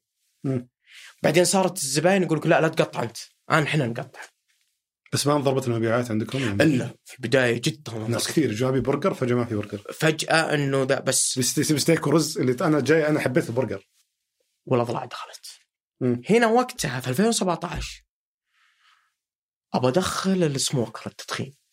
مم. بس لحظة أنت ما قلت لي وش الحين وش علاقة عدد المبيعات اللي وصلتوا لها بالتحول إلى الستيك؟ ابى أكسب الناس الحين. أنا كسبت الناس. كسبت الناس بسمعة البرجر اللي عندي حلو. بس أنا ما أبغى أنشر بالبرجر. أنا- تنشر بستيك أبغى انك بالستيك. تبغى تسوي مطعم ستيك. إي. ليش تسوي مطعم بالستيك. برجر؟ طب ماشي أمورك وزينة بس آه، زي ما قلت لك هذا بينزل ب 70 وهذا ب 14 وأنا food truck وش تشتري؟ بس ما فهمت أنت في النهاية بالمطعم في برجر الحين يعني. لو تلاحظ إنه side dish okay. side dish البرجر. يعني أنا سويت بعدها. يعني شيء جانبي يعني. اي لا مو طبق رئيسي عندي. فانت كنت بتختبر ستيك عشان المطعم. إيه. تمام. فوش المعيار نجاح الستيك دامك الحين غيرت القواعد. ال ال ال الستيك إنه آه بدأت الناس تقول ستيك محلي. اللي تاكله هذا من ذبح الفجر. فكان وقتها إنه ستيك وفي نفس اليوم تذبح وتجهز وتسوي الخلطات حقتك وتطلع على ال truck كان عندي أول شيء اللحم لما اذبح أخليه 12 ساعة. لين ينشف من الدم حقه وهذه trick لازم يعني الواحد يعني هذه واحدة من الأشياء اللي شوف أنت لما حتى شوف عيد الأضحى لما تذبح وتطب... تسوي مقلقل وخل نفس اللحم هذا أطبخ المغرب. شوف طعمه ترى حق. المغرب أحلى من حق. لأنه أول ما تذبح ترى فيه الدم بس المغرب يكون نشف الدم اللي هو تسوي له تبريد تشيلينج تشوف الد... أصلا أنت لما تشي- تشيل الصحن بتشوف الدم اللي نازل. مم. فتخيل إنك لازم يتصفى من الدم كليا. وهذا أصلا ميزة طريقة الذبح الإسلامي اللي هو من الوريد للوريد. إنه يضخ الدم كامل خلاص خلاص يصير نظيف اللحم. حلو. آه لأنه هو يسبب ترى أكسدت يتسبب أمراض في جسم الإنسان كثيرة يعني الكوليسترول النقرس أشياء. بس إذا كان نظيف خلاص. ويفرق في الطعم. وهذا اللي أبغى أقول لك إياه في المستورد اللي صار. المستورد وروح جرب أنت في أي محل تشتري منه مستورد هو يجيك في ال vacuum صح؟ في ال- الكيس المفرغ هذا من الهواء. أول ما تقطع وش يطلع منه؟ أول شيء شو يطلع؟ دم okay شفت الدم ذا تخيل محبوس جواته من شهرين لست شهور okay وش تبعات الشيء ذا؟ الزفارة حقت اللحم اللي يجيك فيها ناس كثير اللحم آه، يقول لك حط عليه صوص كثير. حط عليه مدري وش حط عليه حط عليه عشان أقدر آكله. okay. طيب أنت لما تسوي تكون fresh في ريحة اللحم القوية ذي. أي. إيه. لأن تخيل الدم محبوس في ال- إيه. وبدون أكسجين. هين هو على فكرة لما يدخل ال vacuum آه، تدري كم كم صلاحيته للأكل؟ سنة. حلو. سنة كاملة. لما ينشفط يحط في الكيس اللي ينشفط الهواء. اي خلاص أنت الأكسجين سحبته ما- في أي شيء يعيش جوة ما يخلي فطريات ابدا كوري. خلاص ويكون مجمد. آه طيب أنا فكرتي كانت لا إنه fresh ياخذ وآخذ ال tenderloin. طبعا ال tenderloin لما أذبح العجل كم وزن ال tenderloin؟ في العجل كامل يعني في ال 150 كيلو إلى 200 كيلو. كم وزن ال tenderloin؟ كم؟ 900 جرام إلى كيلو. بس. في العجل واحد مم. من 900 جرام إلى كيلو واحد فقط. آه طبعا ال tenderloin آه في الظهر هي تجي تحت العمود الفقري فهي تجيك أكثر عضلة ما تتحرك. ما تتحرك أصلا العضلة طرية جدا bro. جدا أصلا حتى أنت لما تمسكها بيدك لو مسكتها بقوة تقطعت في يدك. كذا وهي بدون طبخ تفتت في يدك. okay وهي أغلى يسمونها الفرنسيين فيليه بس الحين تحولك الستيك ما لخبط الإنتاج عندك آه. آه... أتصور إنك تست... تستفيد من كميات لحم أقل. أنا صار عندي لا صرت أو أسوي- العجل الواحد يطلع لك كميه آه... أنا صرت أذبح في المصلخ في العزيه حق البلدية آه، أبيع براس ماله يعني في ناس يشترون جلود يشت... أنا تدري من العجل كامل وش آخذ؟ هذا وقت الفوترك؟ وقت الفوترك. لحظة وش كنت تسوي؟ تأخذ العجل بدل ما تذبحه عندك في المزرعة تذبحه. ما أذبح المزرعة مز- مصلخه بلدية. من, من أول من يوم ما بديت. إي إي عشان الختم التجاري عشان إنه لازم في عليه الختم. وتخليه معلق عنده 12 ساعة عادي لا لا أنت يذبح إيه. وتاخذه أنت تاخذه أنت. okay وتخليه إي تخليه لين ينشف. بس لازم عشان الدكتور يكشف عليه.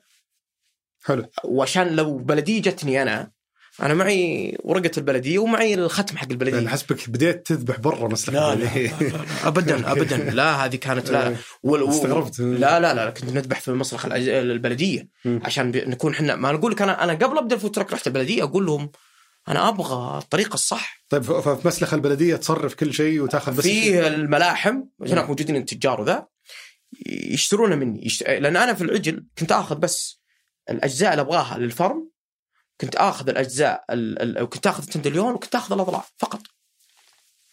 بقية الأجزاء يعني ما يقارب ال ال 90 كيلو أو أكثر آه، أبيع. وأنا واقف في المصرف okay. خلاص أنا متعاقد مع ناس يشترونه مني. خلاص آخذ أجزائي أنا وأروح أقطعها عندي. جميل. أبدأ يعني أجزء وأبدأ أسوي. وعلى حسب يعني مثلا يمكن ال food truck اليوم كم اذبح عجل؟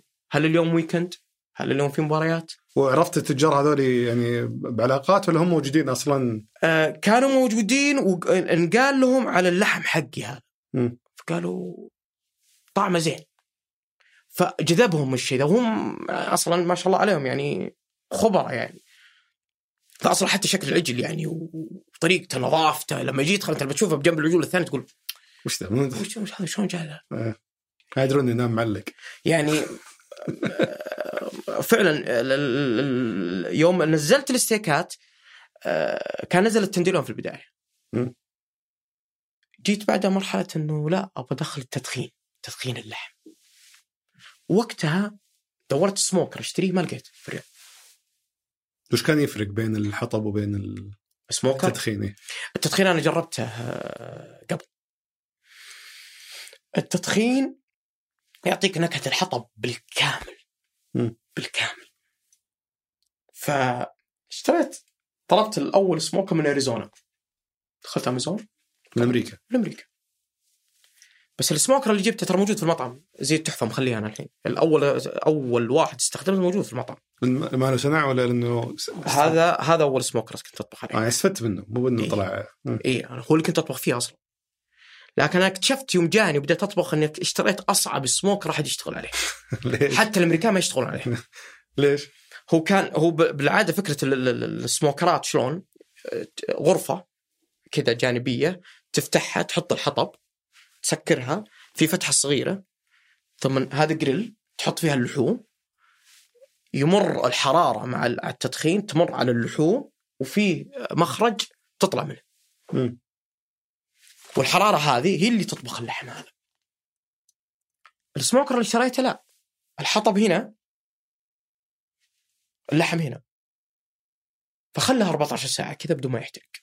أوه okay. وحط ببالك. أول ست ساعات ما تفتح عليه.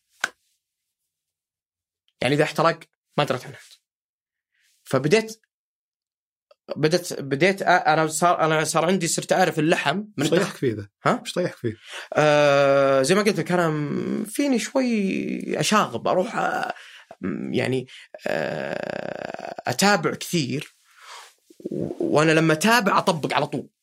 ما أخليها بس أوه عندي تابعتها لا أطبقها على طول أطبقها فبديت من الدخان اللي يطلع وأنا أطبخ الدخان اللي يطلع أعرف الاستواء لون الدخان هذا.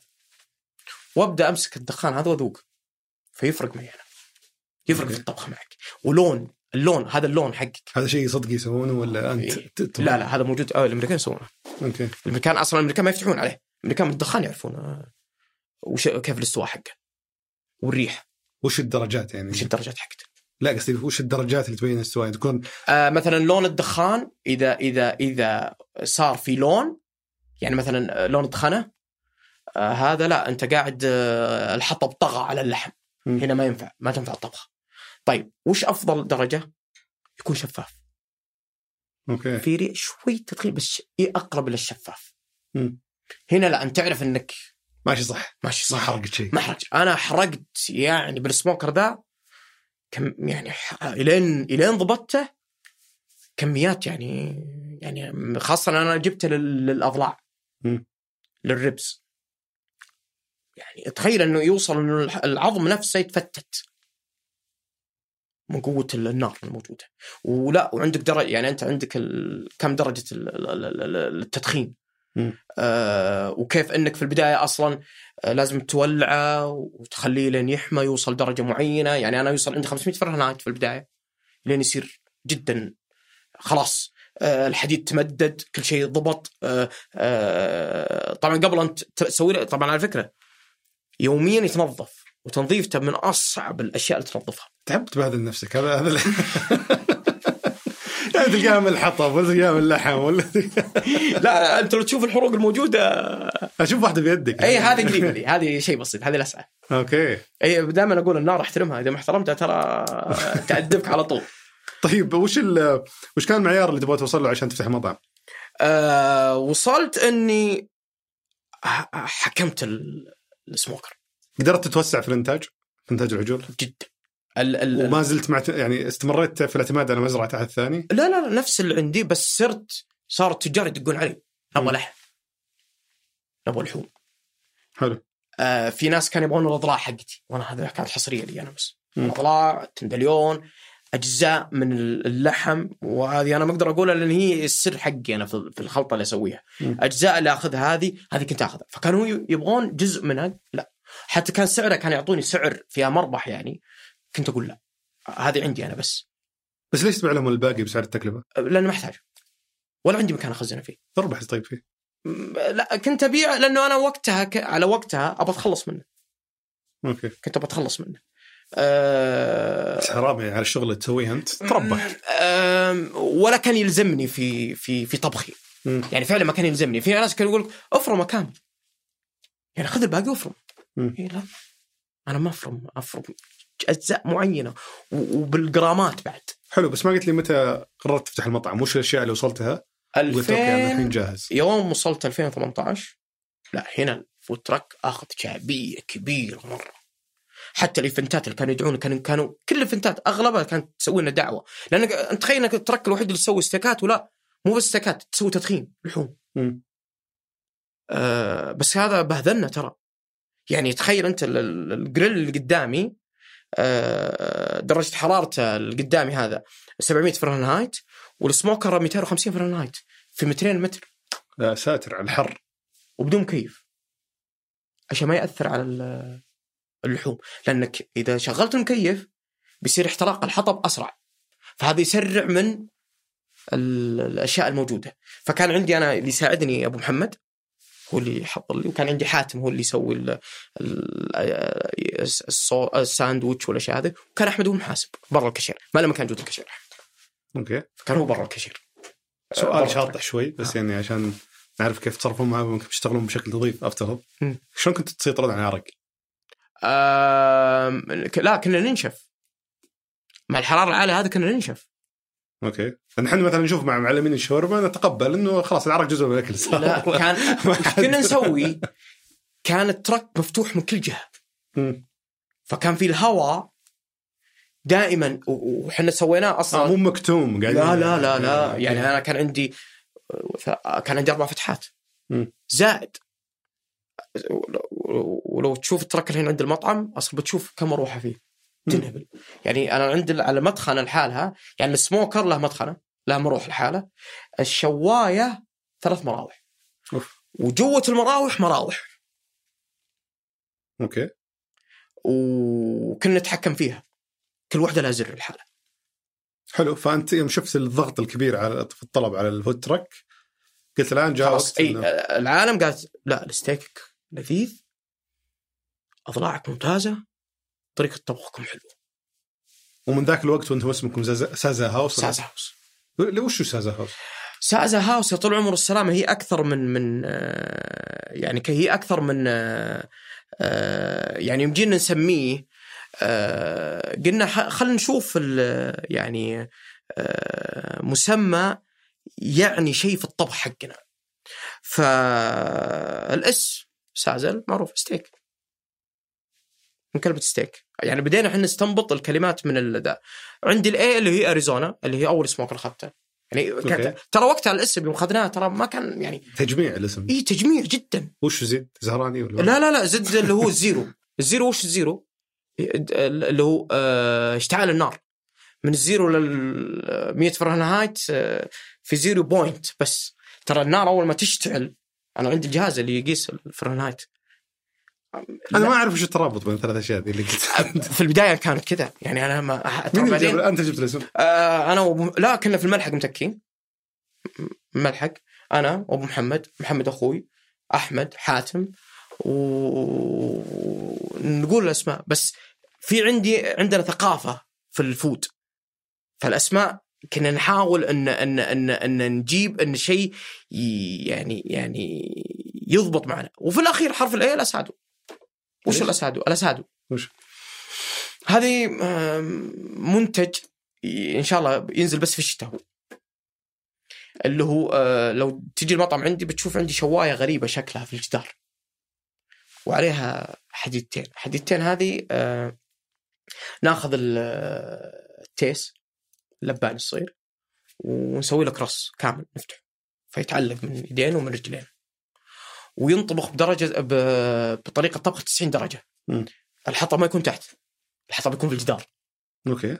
فالنار في الجدار وهو مبعد وال وال وال وال والحديدة هذه نتحكم فيها. في قلبته في كل شيء. فهذا لما يخلص حتى العظام تصير مقرمشة. فيها كريسب. هذا هذا الاسعد أنا الحين ترى ما قدرت أتجاوز سالفة الاسم. إي الاسم ترى الاسم لا كان فعلا يعني. لا لا في البداية كان ترى خربطة هو. وبعدين خ... بس صار ال- ال- مين اللي أنت جبت الاسم؟ ال- شراكة. إحنا الشباب. وش كنتوا تسوون وقتها؟ عندنا ما عندنا ال- لا في الملحق. وش كنتوا تسوون؟ آه، كنا كنا كنا كنا مخلصين Game Thrones كنا مخلصين Game Thrones okay. ف حتى الشعار يعني موجود. إلى الحين عندي اللابتوب التعديلات الأولية. يمكن نسوي عليها الكلام. تدري لو انك قايل لي سا زا صالح الزهراني؟ أحس انت منطقية تحسها. جدا. وفي ناس ترى يجي يقولوا لي يقول أنت صالح عبد الرحمن زهراني أحمري. هل كنت تبغاه سازا عشان صالح الزهراني؟ لا. ما قدرت تمشيه لا؟ ابدا. وغير الاسم صار آه،. إحنا كنا ندور على اسم سهل إيه. للناس. طبعا كلمة house هذه في ثقافة ال food. يعني في الثقافة حقت ال- المطاعم. وش معنى house؟ ترى مو بيت. house معناته إنه أنا مختص في شيء. زي hut؟ آه لا ولا عن الم... زي- مثلا steak house آه، steak house Red Lobster house house تجيك أنت مختص أنا في شيء. مو هو ب- لا، بيت لا. بالمعنى لا. house في ثقافة الأطعمة إنه أنا مخت... أنا مختص في شيء. فصارت سازا House جميل. فالربط آه. والاسم صار كيف الاسم؟ اللي هو صالح الزهراني house أنا ما مالي شغل أنا خلاص أنا صح أنا أحب ال- يسأل. علينا ابو محمد الحين ف بديت المطعم. كان في تحديات في التأسيس في ال... ما خاصة إنه أنا أول مرة أبني شيء. ودخل معي شركاء. غير أبو محمد. دخلت معي شريكين. آه، مستثمرين ولا؟ آه، لا. شراكة برضه وش كان القيمة اللي بيضيفونها؟ آه، كانوا بيضيفون آه، قيمة مالية وكان عندهم خبرة في آه، آه، في الإدارة الإدارية وفي آه، اللي هو ال- آه، يعني هم كان مجالاتهم اللي يشتغلون فيها واحد منهم كان مجال في الفود والثاني كان مجاله في المقاولات ومقاولات و... و... والإدارة كان ما شاء الله عليه في الإدارة كان يعني فأنت دورت الأشياء اللي, اللي أنا. إيه يعني وهم اللي عرضوا الشراكة. حلو. مو أنا أنا ما بحثت عن ال... هو جاني اتصال منهم وصار الاجتماع فصارت الشراكة 2018 واشتغلتوا أربعتكم على المطعم. اشت... إي صرنا اشتغلنا على المطعم اخترنا الفتح خلاص. اشتغلنا بدينا نشتغل على المطعم. على أي أساس اخترت ال location؟ أم... ال- ال food truck كان يوقف في المنطقة ذيك آه فاخترت أقرب شيء لل لا الناس عرفتنا هناك. إي قصدي كان food truck كان شغله في نفس المنطقة اللي اخترت فيها المطعم. نعم. okay. أه... ونعرف المنطقة. وأنا أصلا ساكن في المنطقة لي 30 سنة. آه فأنا عارف الحارة يعني. آه وال وال وال والتوجه حقنا للزباين هذا يعني في المنطقة هذه وما حولها يعني. آه فبدينا أن اخذنا المحل والحمد لله توفقنا فيه. لكن آه بدينا طبعا مع المقاول. المقاول يعني مر شهرين آه، حرفيا ما سوى ولا شيء. في. المحل. هو المفروض أن نسلمه بعد ثلاثة شهور. فجيت أنا وواحد من الشركاء بدينا خذنا الشغل بأنفسنا. يعني خذنا المقاول كان موجود فاجبرناه بس كأنك إجبار يعني مع إنك دافعين له مبلغ كبير. عاد المقاول ثلاث شهور يخلص سنتين. طبيعي. يعني بس والرجال هذا اللي يعني كان يعاوني كان عنده شركة مقاولات أصلا. مم. فكان فاهم في ال- يعني فاهم وج- بس إحنا جبنا شركة ترى مو بشركته جبنا شركة من برا يعني. لأن الشركة هذه لأن شركته يقول هو حتى الرجال والله كان يعني الرجال شركته مو مختص في المطاعم. هذاك كان مختص في المطاعم. لكن اكتشفنا إن المشروع أكبر منه. طريقة التصميم اللي صارت وال- والأداء اللي فيه كانت أكبر من المقاول فاضطرينا إن إحنا يعني أنا وشريكي كواحد من الشركاء كنا نروح للمصانع عشان نفصل. وش اللي صعب كان أصعب على المقاول من- آه، الشروط اللي كنا نحطها. يعني مثلا نوعية البلك نوعية البوية نوعية الخشب. أوه أنت مستقعدت على المطعم نفس ال كل تفصيل. أنا عندي شيء اللي هو التفاصيل الصغيرة مرة لأنه هو التفصيل هذا اللي يبني لك كل شيء مم. والتفصيل الصغير إذا أنت سويت له skip بعدين بتشوف وش نتيجته عليك اللي هي وش؟ آه ليه؟ ليه أنت خليت هذا الشيء وأنت كنت في وقتها موجود؟ بس أنت الحين شاد حيلك في اللحم ومسوي لحم هنا على فكرة برجع وق... على فكرة شوف إيه على فكرة وقتها وقفنا food truck لا بس قصدي أنت قبل ما تخلصون المطعم. إيه. ممتاز. الحين برجع لك على النقطة دي. بس الفكرة إنه أنت الحين ليش تحط كل ذا تحط حيلك كله في الديكور وأنت عندك منتج تزعم إنه استثنائي؟ والناس آه. بيجونك عشان ما ما فرق معهم الديكور. فكرة بسيطة. لو تلاحظ إحنا عندنا يجيك المطعم عندنا المطاعم عموما يعني. يجيك المطعم فخم الأكل يعني غير جيد. مم. أو يجيك م- المطعم يعني زي البوفيه بس الأكل حقه جدا لذيذ وش بيضرك لو صار كذا؟ ليش ما جمع الاثنين؟ مطعم زين والأكل أزين منه أوكي يعني المطعم فخم والأكل بعد يكون مرة ممتاز وتاخرت بسبة المواصفات اللي تبغونها في التصميم آه، غير إن تأخرنا في المواصفات بس ليش وقفت في الترك؟ بجيك الحين ليش مم. وقفت؟ لأنه خلاص صار التركيز أخذنا الأشياء بايدينا يعني ال- ال- الخشب مثلا كنا نروح المصنع في في فسلي الم- المطعم ال- اغلب اخشاب فكان تفصيلها يعني تفصيلها كانت ذا زائد أنا أخذت تفصيل المطبخ. يعني المطبخ اللي تشوفه الآن مفصله والمطبخ هو اللي يعني كانت فكرته شوي أخذتها لبعد آخر يعني. إنه طيب أنا حطب. ما حد كلنا رفض يسوي له الحطب. مجمر الحطب. يقولون يعني في أجهزة موجودة اللي هي جهاز أه، تنشره وفيها فحم ويعطيك نكهة مم. لا أبغى حطب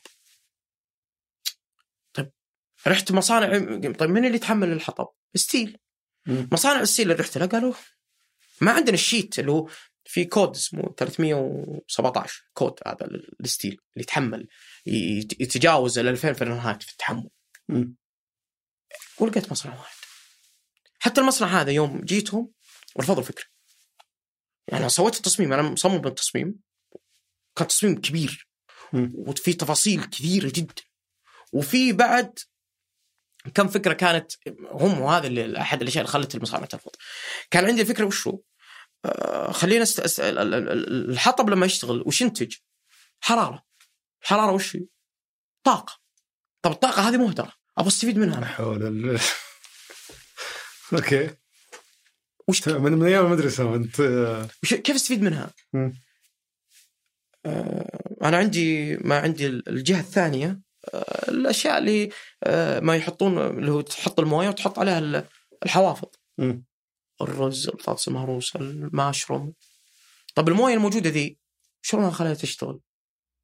سوينا بيبات لما يشتغل حطب تنزل بيبات تمر على ال على ال على الج... ال- ال- المطبخ كامل ويصير الموية الموجودة آه، دافية و- وتدفي الأكل كامل. من وين جبت الأفكار دي؟ أم، هذه وأنا أشتغل. وأنا أصمم وأنا أعرفها لأن كنت أجرب قبل أشتغل. أنا أشتغل بيدي كثير أنا. ف وأنا أجربها قلت آه، خليني وكنت أجرب ال... إنه الحرارة كيف تنتقل في البيب. مم. أنا بيب صغيرة. بس هنا المشكلة كانت عندي. كان عندي أنا لأن أنا خبير في الحطب. طيب حطب داخل مبنى كيف تخليه يستمر إنه ما يطفى. أو ما تخليه مطعم كبير وش تبغى قدام الناس تهف كذا؟ أوكي. طيب شو أسوي؟ تعرف حقة الحدايق اللي تهف في الهواء ذي؟ فكيتها. اخذت ال- الموتور ذا. وفكينا القطع اللي فيه ضعفناه صار هواء كم أحتاج؟ عشان الحطب يبقى يعني أنا كنت أبغى أسوي شيء لو الحطب جوا أبغاه كأني برا كأني شاب برا بس جوا المطعم. لأن المطعم عندي أنا ما في درايش ما في نوافذ. اللي هو يحتاج 0.6 ديسيبل مقياس الهواء.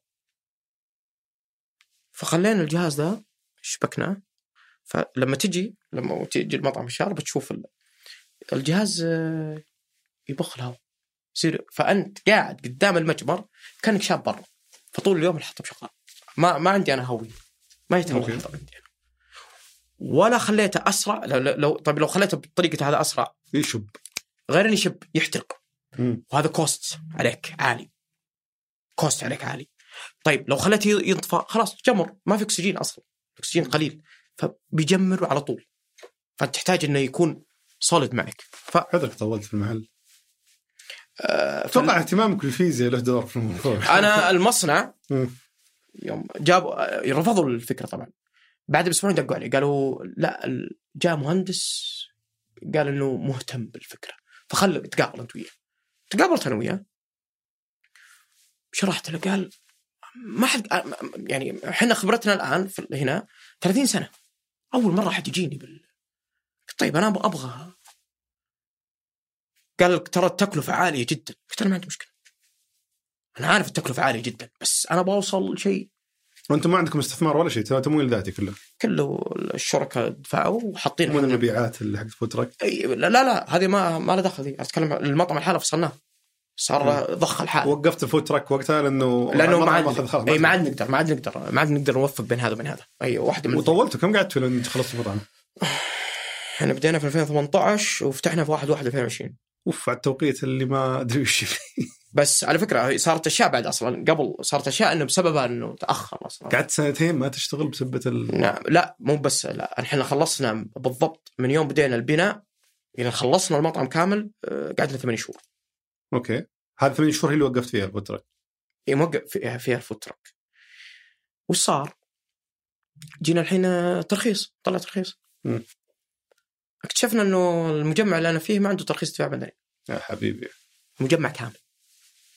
أنا هذه من الأشياء ما أفهمها إنه كيف تسمح يعني كيف أحد يقدر نظاميا يأجر إذا هو مو مخلص كامل التراخيص حقته؟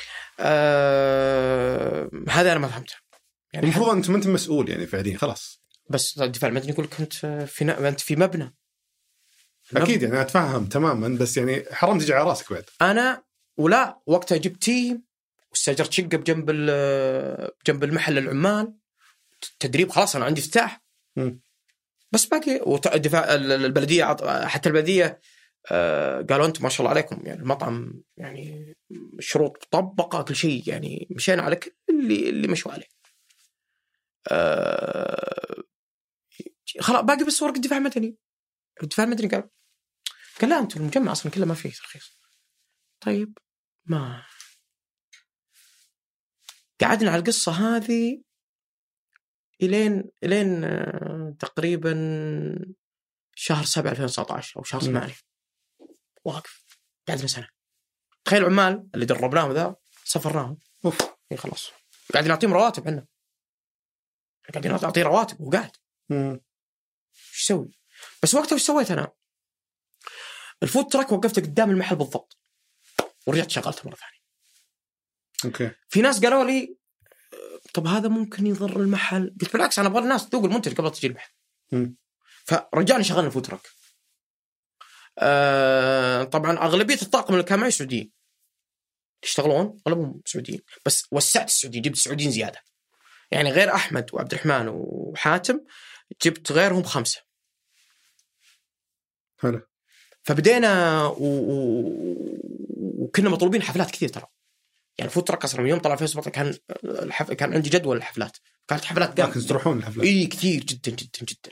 يعني الحفلات كانت كثيرة جدا. وهي اللي كانت تغطي يعني المصاريف كانت تغطي الأشياء. يعني مصاريفنا الشخصية والأشياء هذه. كانت تغطي مرة يعني. فالحمد لله رب العالمين يعني قدرنا ان لكن حتى السعوديين الموجودين معنا بعضهم قال. بيشتغل مطعم ولا لا؟ بعضهم طلع. لين ما جاء الفرج بعدين إيه. طلع الترخيص. طلع الترخيص. طلع الترخيص من هنا على طول بدينا. قبل كورونا بشهرين. شهرين بس. طبعا آه واشتغلنا يشتغل مطعم آه وهنا الضحك الدفاع المدني أصلا. الدفاع المدني يوم جاء خلاص أعطانا ترخيص. جانا أنا قالوا يلا كل محل الحين يطلع ترخيصه فأول ما جيتهم باوراقي قالوا أنت نبغى الشهادة حقت تمديد الغاز. مم. قلت أنا ما معي شهادة أنا ما عندي غاز. قال خلص معاملتك وتعال. معاملتك ناقصة. قلت أنا ما عندي غاز. شلون ما عندك غاز؟ قلت أنا ما عندي غاز ما المطعم عندي على الحطب. قال كل يقول كذا. أنت جيب لي جيب لي جيب لي ترخيص لازم لازم تمديد غاز. اللي يجون يجون مطاعم يدعون ما عندهم غاز وهم أصلا عندهم. إيه فيقول كل يقول اعطني شهادة تمديد غاز. أنت عشان. عشان أنت متأخر يا زهراني؟ ونبي نخلصك قلت والله فعلا أنا ما عندي غاز. وحسبك تكذب زي بعض المطاعم اللي صار وطلعوا لجنة. أيوه. 12 شخص. دار الدفاع المدني جو المطعم عندي؟ شافوا حطب بعيدا عن هذا كله. سألني الضابط قال شلون تكسب؟ الشهر الجاي بتكفل أنت. قلت هذا عاد أنا وشغلي. لكن انت قال تدري أنت يعني أنا أول مرة اطلع بطلع ترخيص بدون تمديد غاز مم. انت فعلا ما عندك غاز. والتبريرات اللي كتبتها قلت لهم إنه اولا الحطب امن من الغاز وامن من الكهرب. لا تناقشني. الحطب في مجمر 30 سم عمقه. مست... آه،. الحطب يفقع. يسرب steel يتحمل وكل شيء لا وغير ال steel هو مبطل ال steel بال بال بال بال شو اسمه بال... بال... بالحجر. ف لا يسرب زي الغاز ولا زي الكهرب ينفجر. حطه حطه يشب. مكانه. وبجنبه تخ... تخلي لك حتى هو ما يطفى طفاية رمل بس. بجنبك رمل خذه وكب عليه طفيت ف أمان أكثر. ال- ال- البلدية قالوا لي آه، كان في نقاش بيني وبين الموظف البلدية قال إنه ال- ال- الحطب ممنوع. حطب حطب ممنوع لأنه البيئة. بس آه، مستورد غير كذا قال إن الأكل الأكسدة اللي تطلع الدخان هذه تضر. اجتهاد من عنده ولا فعلا؟ أنا ما أدري. بس أوكي. هذا الكلام اللي قال لي إياه. قلت له طيب إحنا من متى جانا غاز وكهرب؟ كم الحين؟ قال كم 30 سنة؟ قبل 30 سنة 40 سنة وش كنا نسوي؟ وش كنا نصبغ عليه؟ ماتوا ابهاتنا اجدادنا جدات اجدادنا كلهم كانوا يصبغون على اي بس آه، يعني ما ينفع تجيب منطق ما ضر الأولين غير يعني كذا. لازم كلامه فعلا صادق إذا طبقت شفت الحطب أول ما تحطه شفت الدخان هذا. شفت لو حطيت الل- اللحم عليه هذا مرض لازم يجمر مم. لازم يجمر خلاص يصير رماد هنا وقتها يعني ما عاد في دخان مم. هنا تحط اللحم خلاص صار مصدر حرارة بس غيرها لا هذا اللي يحترق ثاني أكسيد كربون. في الأخير هذا الاحتراق. كربون هذا. طيب شلون تجاوزت هذه؟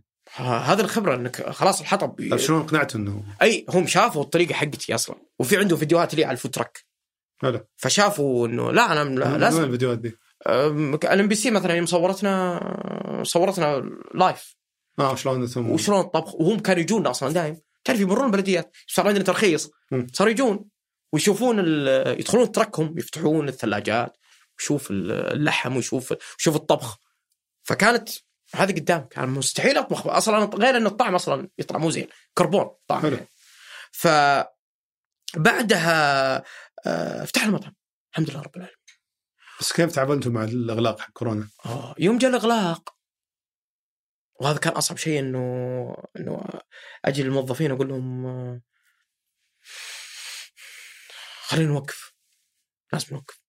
نوقف عشان آه، نشوف. يعني ال- ال- أول مرة يصير الشيء هذا. والإيقاف هذا أصلا في بالنا إحنا كم يمكن ثلاث أيام أربع أيام. وبعدين إلين جاء الحظر ال- آه، 24 ساعة. هذا. خاصة أنت يعني غير المطعم أنت قاعد تنتج برضو. يعني عندك العجول إيش تسوي فيهم؟ كنت وقتها بس أذبح وأعطي. الملاحم ملح كنت تربح ولا برضو بتكلفة؟ لا لا كنت طلعت لي مربح شوي. وتعطيهم التندرلوين تعطيهم كل شيء؟ آه لا. إلى الحين لا. ليش؟ لا كلها كلها كلها. إي هذه لا هذه لأن لأن لأن هي اللي تميزني. هي اللي تميزني. إيش كنت تسوي فيها؟ آه الصدق آه كنت أوزع. الأقارب الأصدقاء. ما كنت. لحوم صافية زينة وكنت أوزع. بس. ما. بس أنت الحظر ترى ما كمل على المطاعم إحنا ما قعدنا خمس أيام بس. بعدين رجعنا فتحنا عن طريق تطبيقات. وأخذنا التصريح. صرنا اللي يشتغل في المطعم إحنا الأربعة اللي رجعنا المؤسسين رجعنا نشتغل مرة ثانية. أصلا إحنا شغالين في المطعم حتى يوم جاء الإقفال ذا. يعني أنا اللي أطبخ في الم... في, ال... في ال... الإعداد كامل الموجود في المطعم أنا اللي أعده. ال brisket ال short ribs ال- الرز البطاطس المهروسة السلطة كله. وعندي الشباب يساعدون. ف بعدها آه وكان عندي عاملين. والعمالة اللي ماخذها أصلا يوم بدينا المطعم إيجار. استئجار. وتكلفتهم عالية. فاضطريت إني أرجع آه، منهم كثير. كانوا حقين تنظيف وكذا ولا؟ لا كانوا اسيست مساعدين لي أنا. آه أوكي. آه، وكانوا ماسكين مثلا النظافة وماسكين التقطيع مثلا البصل الاشياء. ذي اللي فيها إنتاجية كبيرة يعني كانوا يش... كلهم رجعتهم ما عاد بقلل ما كيف على فكرة تجربتكم مع تطبيقات التوصيل؟ بحكم إنه أكلكم يفترض إنه ينوكل أنا كنت رافض أصلا ان تدخل مؤخ... لأنه لأنه الستيك أنا أسويه على الحطب فيجيك أصلا ال- ال- ال- الحرارة الداخلية. هذه ميزة الحطب. شوف الحطب لما تطبخ فيه شفت اللهب هذا اللي يطلع. ترى يتخلل اللحم. يفرق عن الغاز ويفرق عن ال- الكهرب. مم. فيتخلل اللحمة. فهذه هذه الضربة هذه هي اللي لما تاكله وقتيا تشوف الجوس كيف فيه شوف لما تقطع اللحمة شوف كيف ينزل. طيب كيف تعاملتوا يعني انجبرتوا بالبداية وبعدين كملتوا معهم صح؟ سوينا نطاق إن التوصيل خلال يعني يكون ما يتجاوز ما يتجاوز ال 5 كيلو. بس. ف وقتها آه، أصلا كان عندنا كنا مع ك- مع تطبيق كنا موقعين معه. قبل أصلا. بس كيف كنا نطلع. آه، ال soft drink والبرجر. بس. ما كنا نطلع الستيك. ولا الاضرع آه أوكي. حطيتوا منيو مختلف. اي هي لا بس كان البرجر بس اللي يطلع. ما كان يطلع. هذه بس الحين. يختلف الوضع صرتوا تحطون كل شيء صح؟ اي الآن لا لأنه طريقة الحفظ وطريقة هذه تغيرت معنا. واخذنا طريقة تغليف جديدة فمسكت لنا ال- ال- ال- الجودة اللي كنا نبيها. بس إلى الآن حتى التوصيل آه، إذا أنت بعيد آه، نقول لك لا. طيب جميل. بس آه، لأن الوقت بدأ يداهمنا شوي أنا ودي أعرف كيف كيف كانت تجربتكم مع توسعكم؟ بما أنكم رحتوا المطعم أتصور مبيعات أكثر من الفوترك ال- بكثير حلو. فكيف أثر على عملية ال خلينا نقول سلسلة الإنتاج عندك؟ أي الإنتاج ال- وهذه فادتني يوم جت كورونا ما تذكر الاستيراد وقف مم. أنا كان عندي وفرة من اللحم فكنت يعني أنزل المنتجات و- وكانوا ال- ال- الثانيين يقولون اللحم وين تجيب أنت؟ شلون قاعد تجيب اللحم يعني؟ اللحم لحمي يعني ناس كثير ما كانت تستوعب إنه يوم جت كورونا استوعب العالم ان اللحم لحمي كان عندي وفرة أنا في اللحم أصلا. أه. فصارت الإنتاجية عندي عالية. اس- استفدت من كورونا. الإنتاجية صارت عندي عالية أنا. حلو. أه اللحم المفروم يعني الأجزاء الثانية كانوا كنت أغطي الم... يعني فقدرت توزع توسع أكثر في الإنتاج. أكثر في الإنتاج. فزي ما تقول سازا زلت- ما زلت بس مزرعة احد ثاني مو بمزرعة. إيه، مستأجر أنا عنده إيه. إلى حد اللحظة هذه. لأنه مزرعة تكلفتها مليونية ما بالف... يعني كمنشأة ترى. الرجل يعني تكييف تبريد المياه عنده يعني فيحتاج يحتاج اي وعنده هو يعني ذا فأنا هذه ما قد واجهت مشكلة في كمية الإنتاج مقابل الطلب. ابدا. بالعكس أنا كنت دائما أنا أضرب حساب. لأنه حتى لو قل الطلب وعندك إنتاج عالي تقدر تصرفه على الملاحم.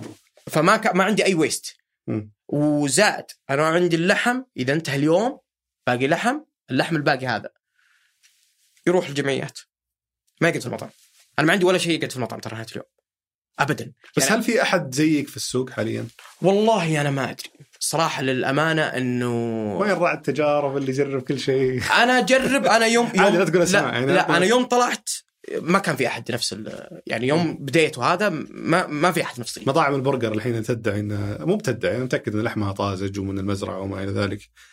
هل تعتقد قريبة حتى من الجودة اللي أنت تقدمها؟ آه هي مو بس عشانك مزرعة. وانك محلي. لا أنت نفس ال ال هذا البرجر هذا. وش مكونات اللحم اللي فيه؟ بس ما تعتقد قصدي إنهم مطورين الإجراءات زي ما أنت سويت؟ أنا لما أقول السالفة لأي أحد يقول لك انت زي ما قلت تعب نفسك. وراك تعب نفسك. أنا مو مسألة تعب نفسي. أنا أخذت المنتج من أصله عشان أتعرف عليه عشان أعرف أنا وش قاعد أتعامل معه. فأنا ما كان عندي مشكلة مثلا آه، وأنا للحين الشيف الرئيسي المطعم. وأنا للحين اللطف يعني هذا الغريب إنه ليش ما ليش ما أسندت الموضوع لحد ثاني؟ آه هل فقط لأنك مستمتع فيه ولا؟ جدا بس أنتم عندكم فرع واحد الحين صح؟ فرع واحد نعم ما تفكرون إلا توسعون؟ إن شاء الله بإذن الله وقتها ما راح تصير أنت الشيف آه إي في أنا عندي ناس مدربهم أنا أصلا وبتسوي مثلا مطبخ مركزي ولا إي إي وفي أشياء بتطلع ذا وفي أشياء لا يعني أنا حتى الط... على فكرة المطعم عندي أنا آه، 80% من الموجودين سعوديين مم. آه، يعني ال- الطبخ عندي طلعوا السلامة آه، يعني حتى تحضير الأكل عندي سعوديين آه، فما شاء الله تبارك الرحمن يعني فعلا السعوديين يبردون قلبك تبريد خاصة إذا كان احب الشيء هذا أبدع فيه خلاص والبيئة هذه يعني أنا أشوف يعني لاحظتها في في منهم يدرسون في الجامعة فيطلع يرجع اللي يطلع يرجع مرة ثانية عندي. فالحمد لله رب العالمين يعني. بس إنه ال- ال- الكلام إنه أنا اللي عندي أكبر أكبر من اللي أنا مساله بس المطعم هذا. أنا أبغى أوفر إن يكون عندي شيء اسمه لحم صنع في السعودية. تاكل ستيك وأنت في باريس سعودي. عندكم خطه للتصدير؟ إن شاء الله. يعني بس هذه يعني تحتاج لها عمل يعني أكبر بكثير من مطعم. أكبر بكثير من مطعم. آه أنا اللي من اللي يعطيني التأكيد هذا؟ الاجانب أنا عندي ترى سفراء أجانب كثير عندي في المطعم وقنصليات لما يذوقون يقولون أصلا لما نسمع إنه لوكل محلي. نقول لا محلي لا يعني بس لما ذقنا ما ذق ما هذا لحمك ذقنا حتى أفضل من اللي عندنا في مواطننا إحنا. فعرفت إن أنا عندي منتج أصلا آه، يعني منتج آه، يقدر إنه ينافس فعليا. وطريقة آه، تربيته طريقة تسويته هي اللي هي اللي فرقت أنا معي. فالحمد لله رب العالمين. يعني بس فعلا أنا أبغى أكون يعني آه، ولو جزء بسيط في هذه الرؤية حق 2030 بس إنه شيء أطلع فيه. فعلا جميل. كمنتج. طب أنا بأختم بالسؤال المعتاد اللي أكيد تعرفه لأنك تابعت حلقات صار business سابقا اللي هو لو بيرجع فيك الوقت الأول يوم جاتك فيه الفكرة بنفس الخبرة بنفس المعلومات وش المشاكل اللي بتجنبها وش الأشياء اللي ممكن تسويها بشكل مختلف آه، مقارنة باللي سويته؟ أه برجع أسوي كل شيء نفس ما سويت لأنه هذا هذه أنا وهذه شخصيتي. أحب ناخذ الشيء آه واضح إنك فكرت في السؤال واجد إيه. بسألك سؤال ثاني. لا لا لا بس آه، أكيد في شيء تشتري شوائل شو اسمه ذي اريزونا ال- ال- ال smoker هذا هذا طبيعي. طيب بس حتى. بس هنا فكرة ثانية. إيه. أنا لو جبت طيب الثاني ال truck بطلع برا ال truck ال smoker ذا. فما كان إيه. يناسبني. ال smoker كان جوة ال truck. انت جبته لأنه يعني يناسب إنه يكون جوا يناسب جوة ال truck. وبعدين أنا أخليه آه 16 ساعة. يدخل اللحم. آه فأخليه برا يجيك أي واحد مثلا يمر من معقولة ما في ولا غلط تقول لو رجع بالزمن أقدر. أفضل إني أغيره مستحيل يعني في أخطاء صارت آه، يعني آه، بظروف حول المشروع آه، أثرت على المشروع. مم. آه، لا قصدي بشيء بإرادتكم أنتم بيدكم كان يعني أحيانا أنا قررت إني أوقف البرجر. وأخلي ستيك بعد سنتين أبو محمد جاني قال لا كانت شفت؟ أي كانت الفكرة صح كانت الفكرة يعني آه أوكي وقتها كانت مغامرة إيه. يعني فعلا إحنا تضررنا المبيعات يعني انخفضت بنسبة 80% فكان المفروض إنك ما توقف البرجر بهالطريقة آه، كان إي لو أخليه بس كمية بسيطة. ويكون sold out بس يكون عندي الباقي يجي تتدرج في ال... نعم. أنا أنا صدمت اليوم الثاني. وقفت إيه. لا اليوم الثاني أنا وقفت ال... بس خسرت الصدمه عملاء أكيد. الص... في عملاء كانوا حتى وأنا أقول ال sold out كان يجي يوميا. يرجع. في برجر في برجر. ما أفهم الناس أنا مستحيل أصف عند مطعم ولا أدور أكل. إذا المطعم مضمون أروح له أروح له بوقت ما يروح له أحد. عارف إنه ما في زحمة أروح أتغدى فيه. ولا إني أقعد اصف طابور لا لا ال ال ال أنا أشوفه عندي في المطعم آه، الحمد لله رب العالمين يعني. وأنا الصدق هذا يفرحني بس أنا ما أفهمها. إنه وأفرح عليها يعني في ناس تنتظر على ثلاث ساعات أربع ساعات. إلى اليوم؟ الوينز كينج اليوم. يعني تقريبا رحت ذاك اليوم أه، تغديت. قبل قبل الغداء لا ال- الغداء آه، إحنا الموظفين. هم. اللي اجتماعات شيء بسيط. بس العشاء لا. ال weekend وهذه يعني أنا عندي My Table والتطبيقات هذه full الحجوزات عندي ف بس يجونك ناس يقول لك في إمكانية. فيقعد خذ حط رقم جواله. وأنا عندي الاستقبال ياخذ رقم جواله. إذا في إمكانية بعد إذا يدقون عليه يرجع. يجي بعد ساعتين ثلاث ساعات يرجع. جميل. يجي. الله يعطيك العافية أبو صالح. الله يعافيك استمتعت شاء الله. جدا بالنقاش معك. كان ودي صراحة في أشياء كثيرة بدخل فيها لكن. الوقت يعني ما مقيدنا شوي. فالله يعطيك العافية الله يعافيك. سعدت بالنقاش معك الله تشرفت في إني أطلع معك وأكون واحد من الضيوف آه، والكوكبة اللي جت معك إن شاء الله. والحمد لله رب العالمين. الله يعطيك العافية. الله يعافيك. هذا كان بالنسبة لحلقة اليوم. شكرا لمتابعتك الحلقة إذا عجبتك أتمنى تدعمنا بالنشر والتقييم في منصات البودكاست. وإذا عندك ملاحظات يا ليت تشاركني إياها على حسابي في تويتر دبيان أو إيميل البرنامج سوالف ثمانية dot com شكرا لفريق سوالف business في الإنتاج فهد القصير في التصوير عبد الوهاب بن شداد. في التحرير مرام ضبيبان وفي هندسة الصوت محمد الحسن. شكرا للراعي الرسمي مصرف الراجحي. كان هذا سوالف بزنس أحد منتجات شركة ثمانية للنشر والتوزيع.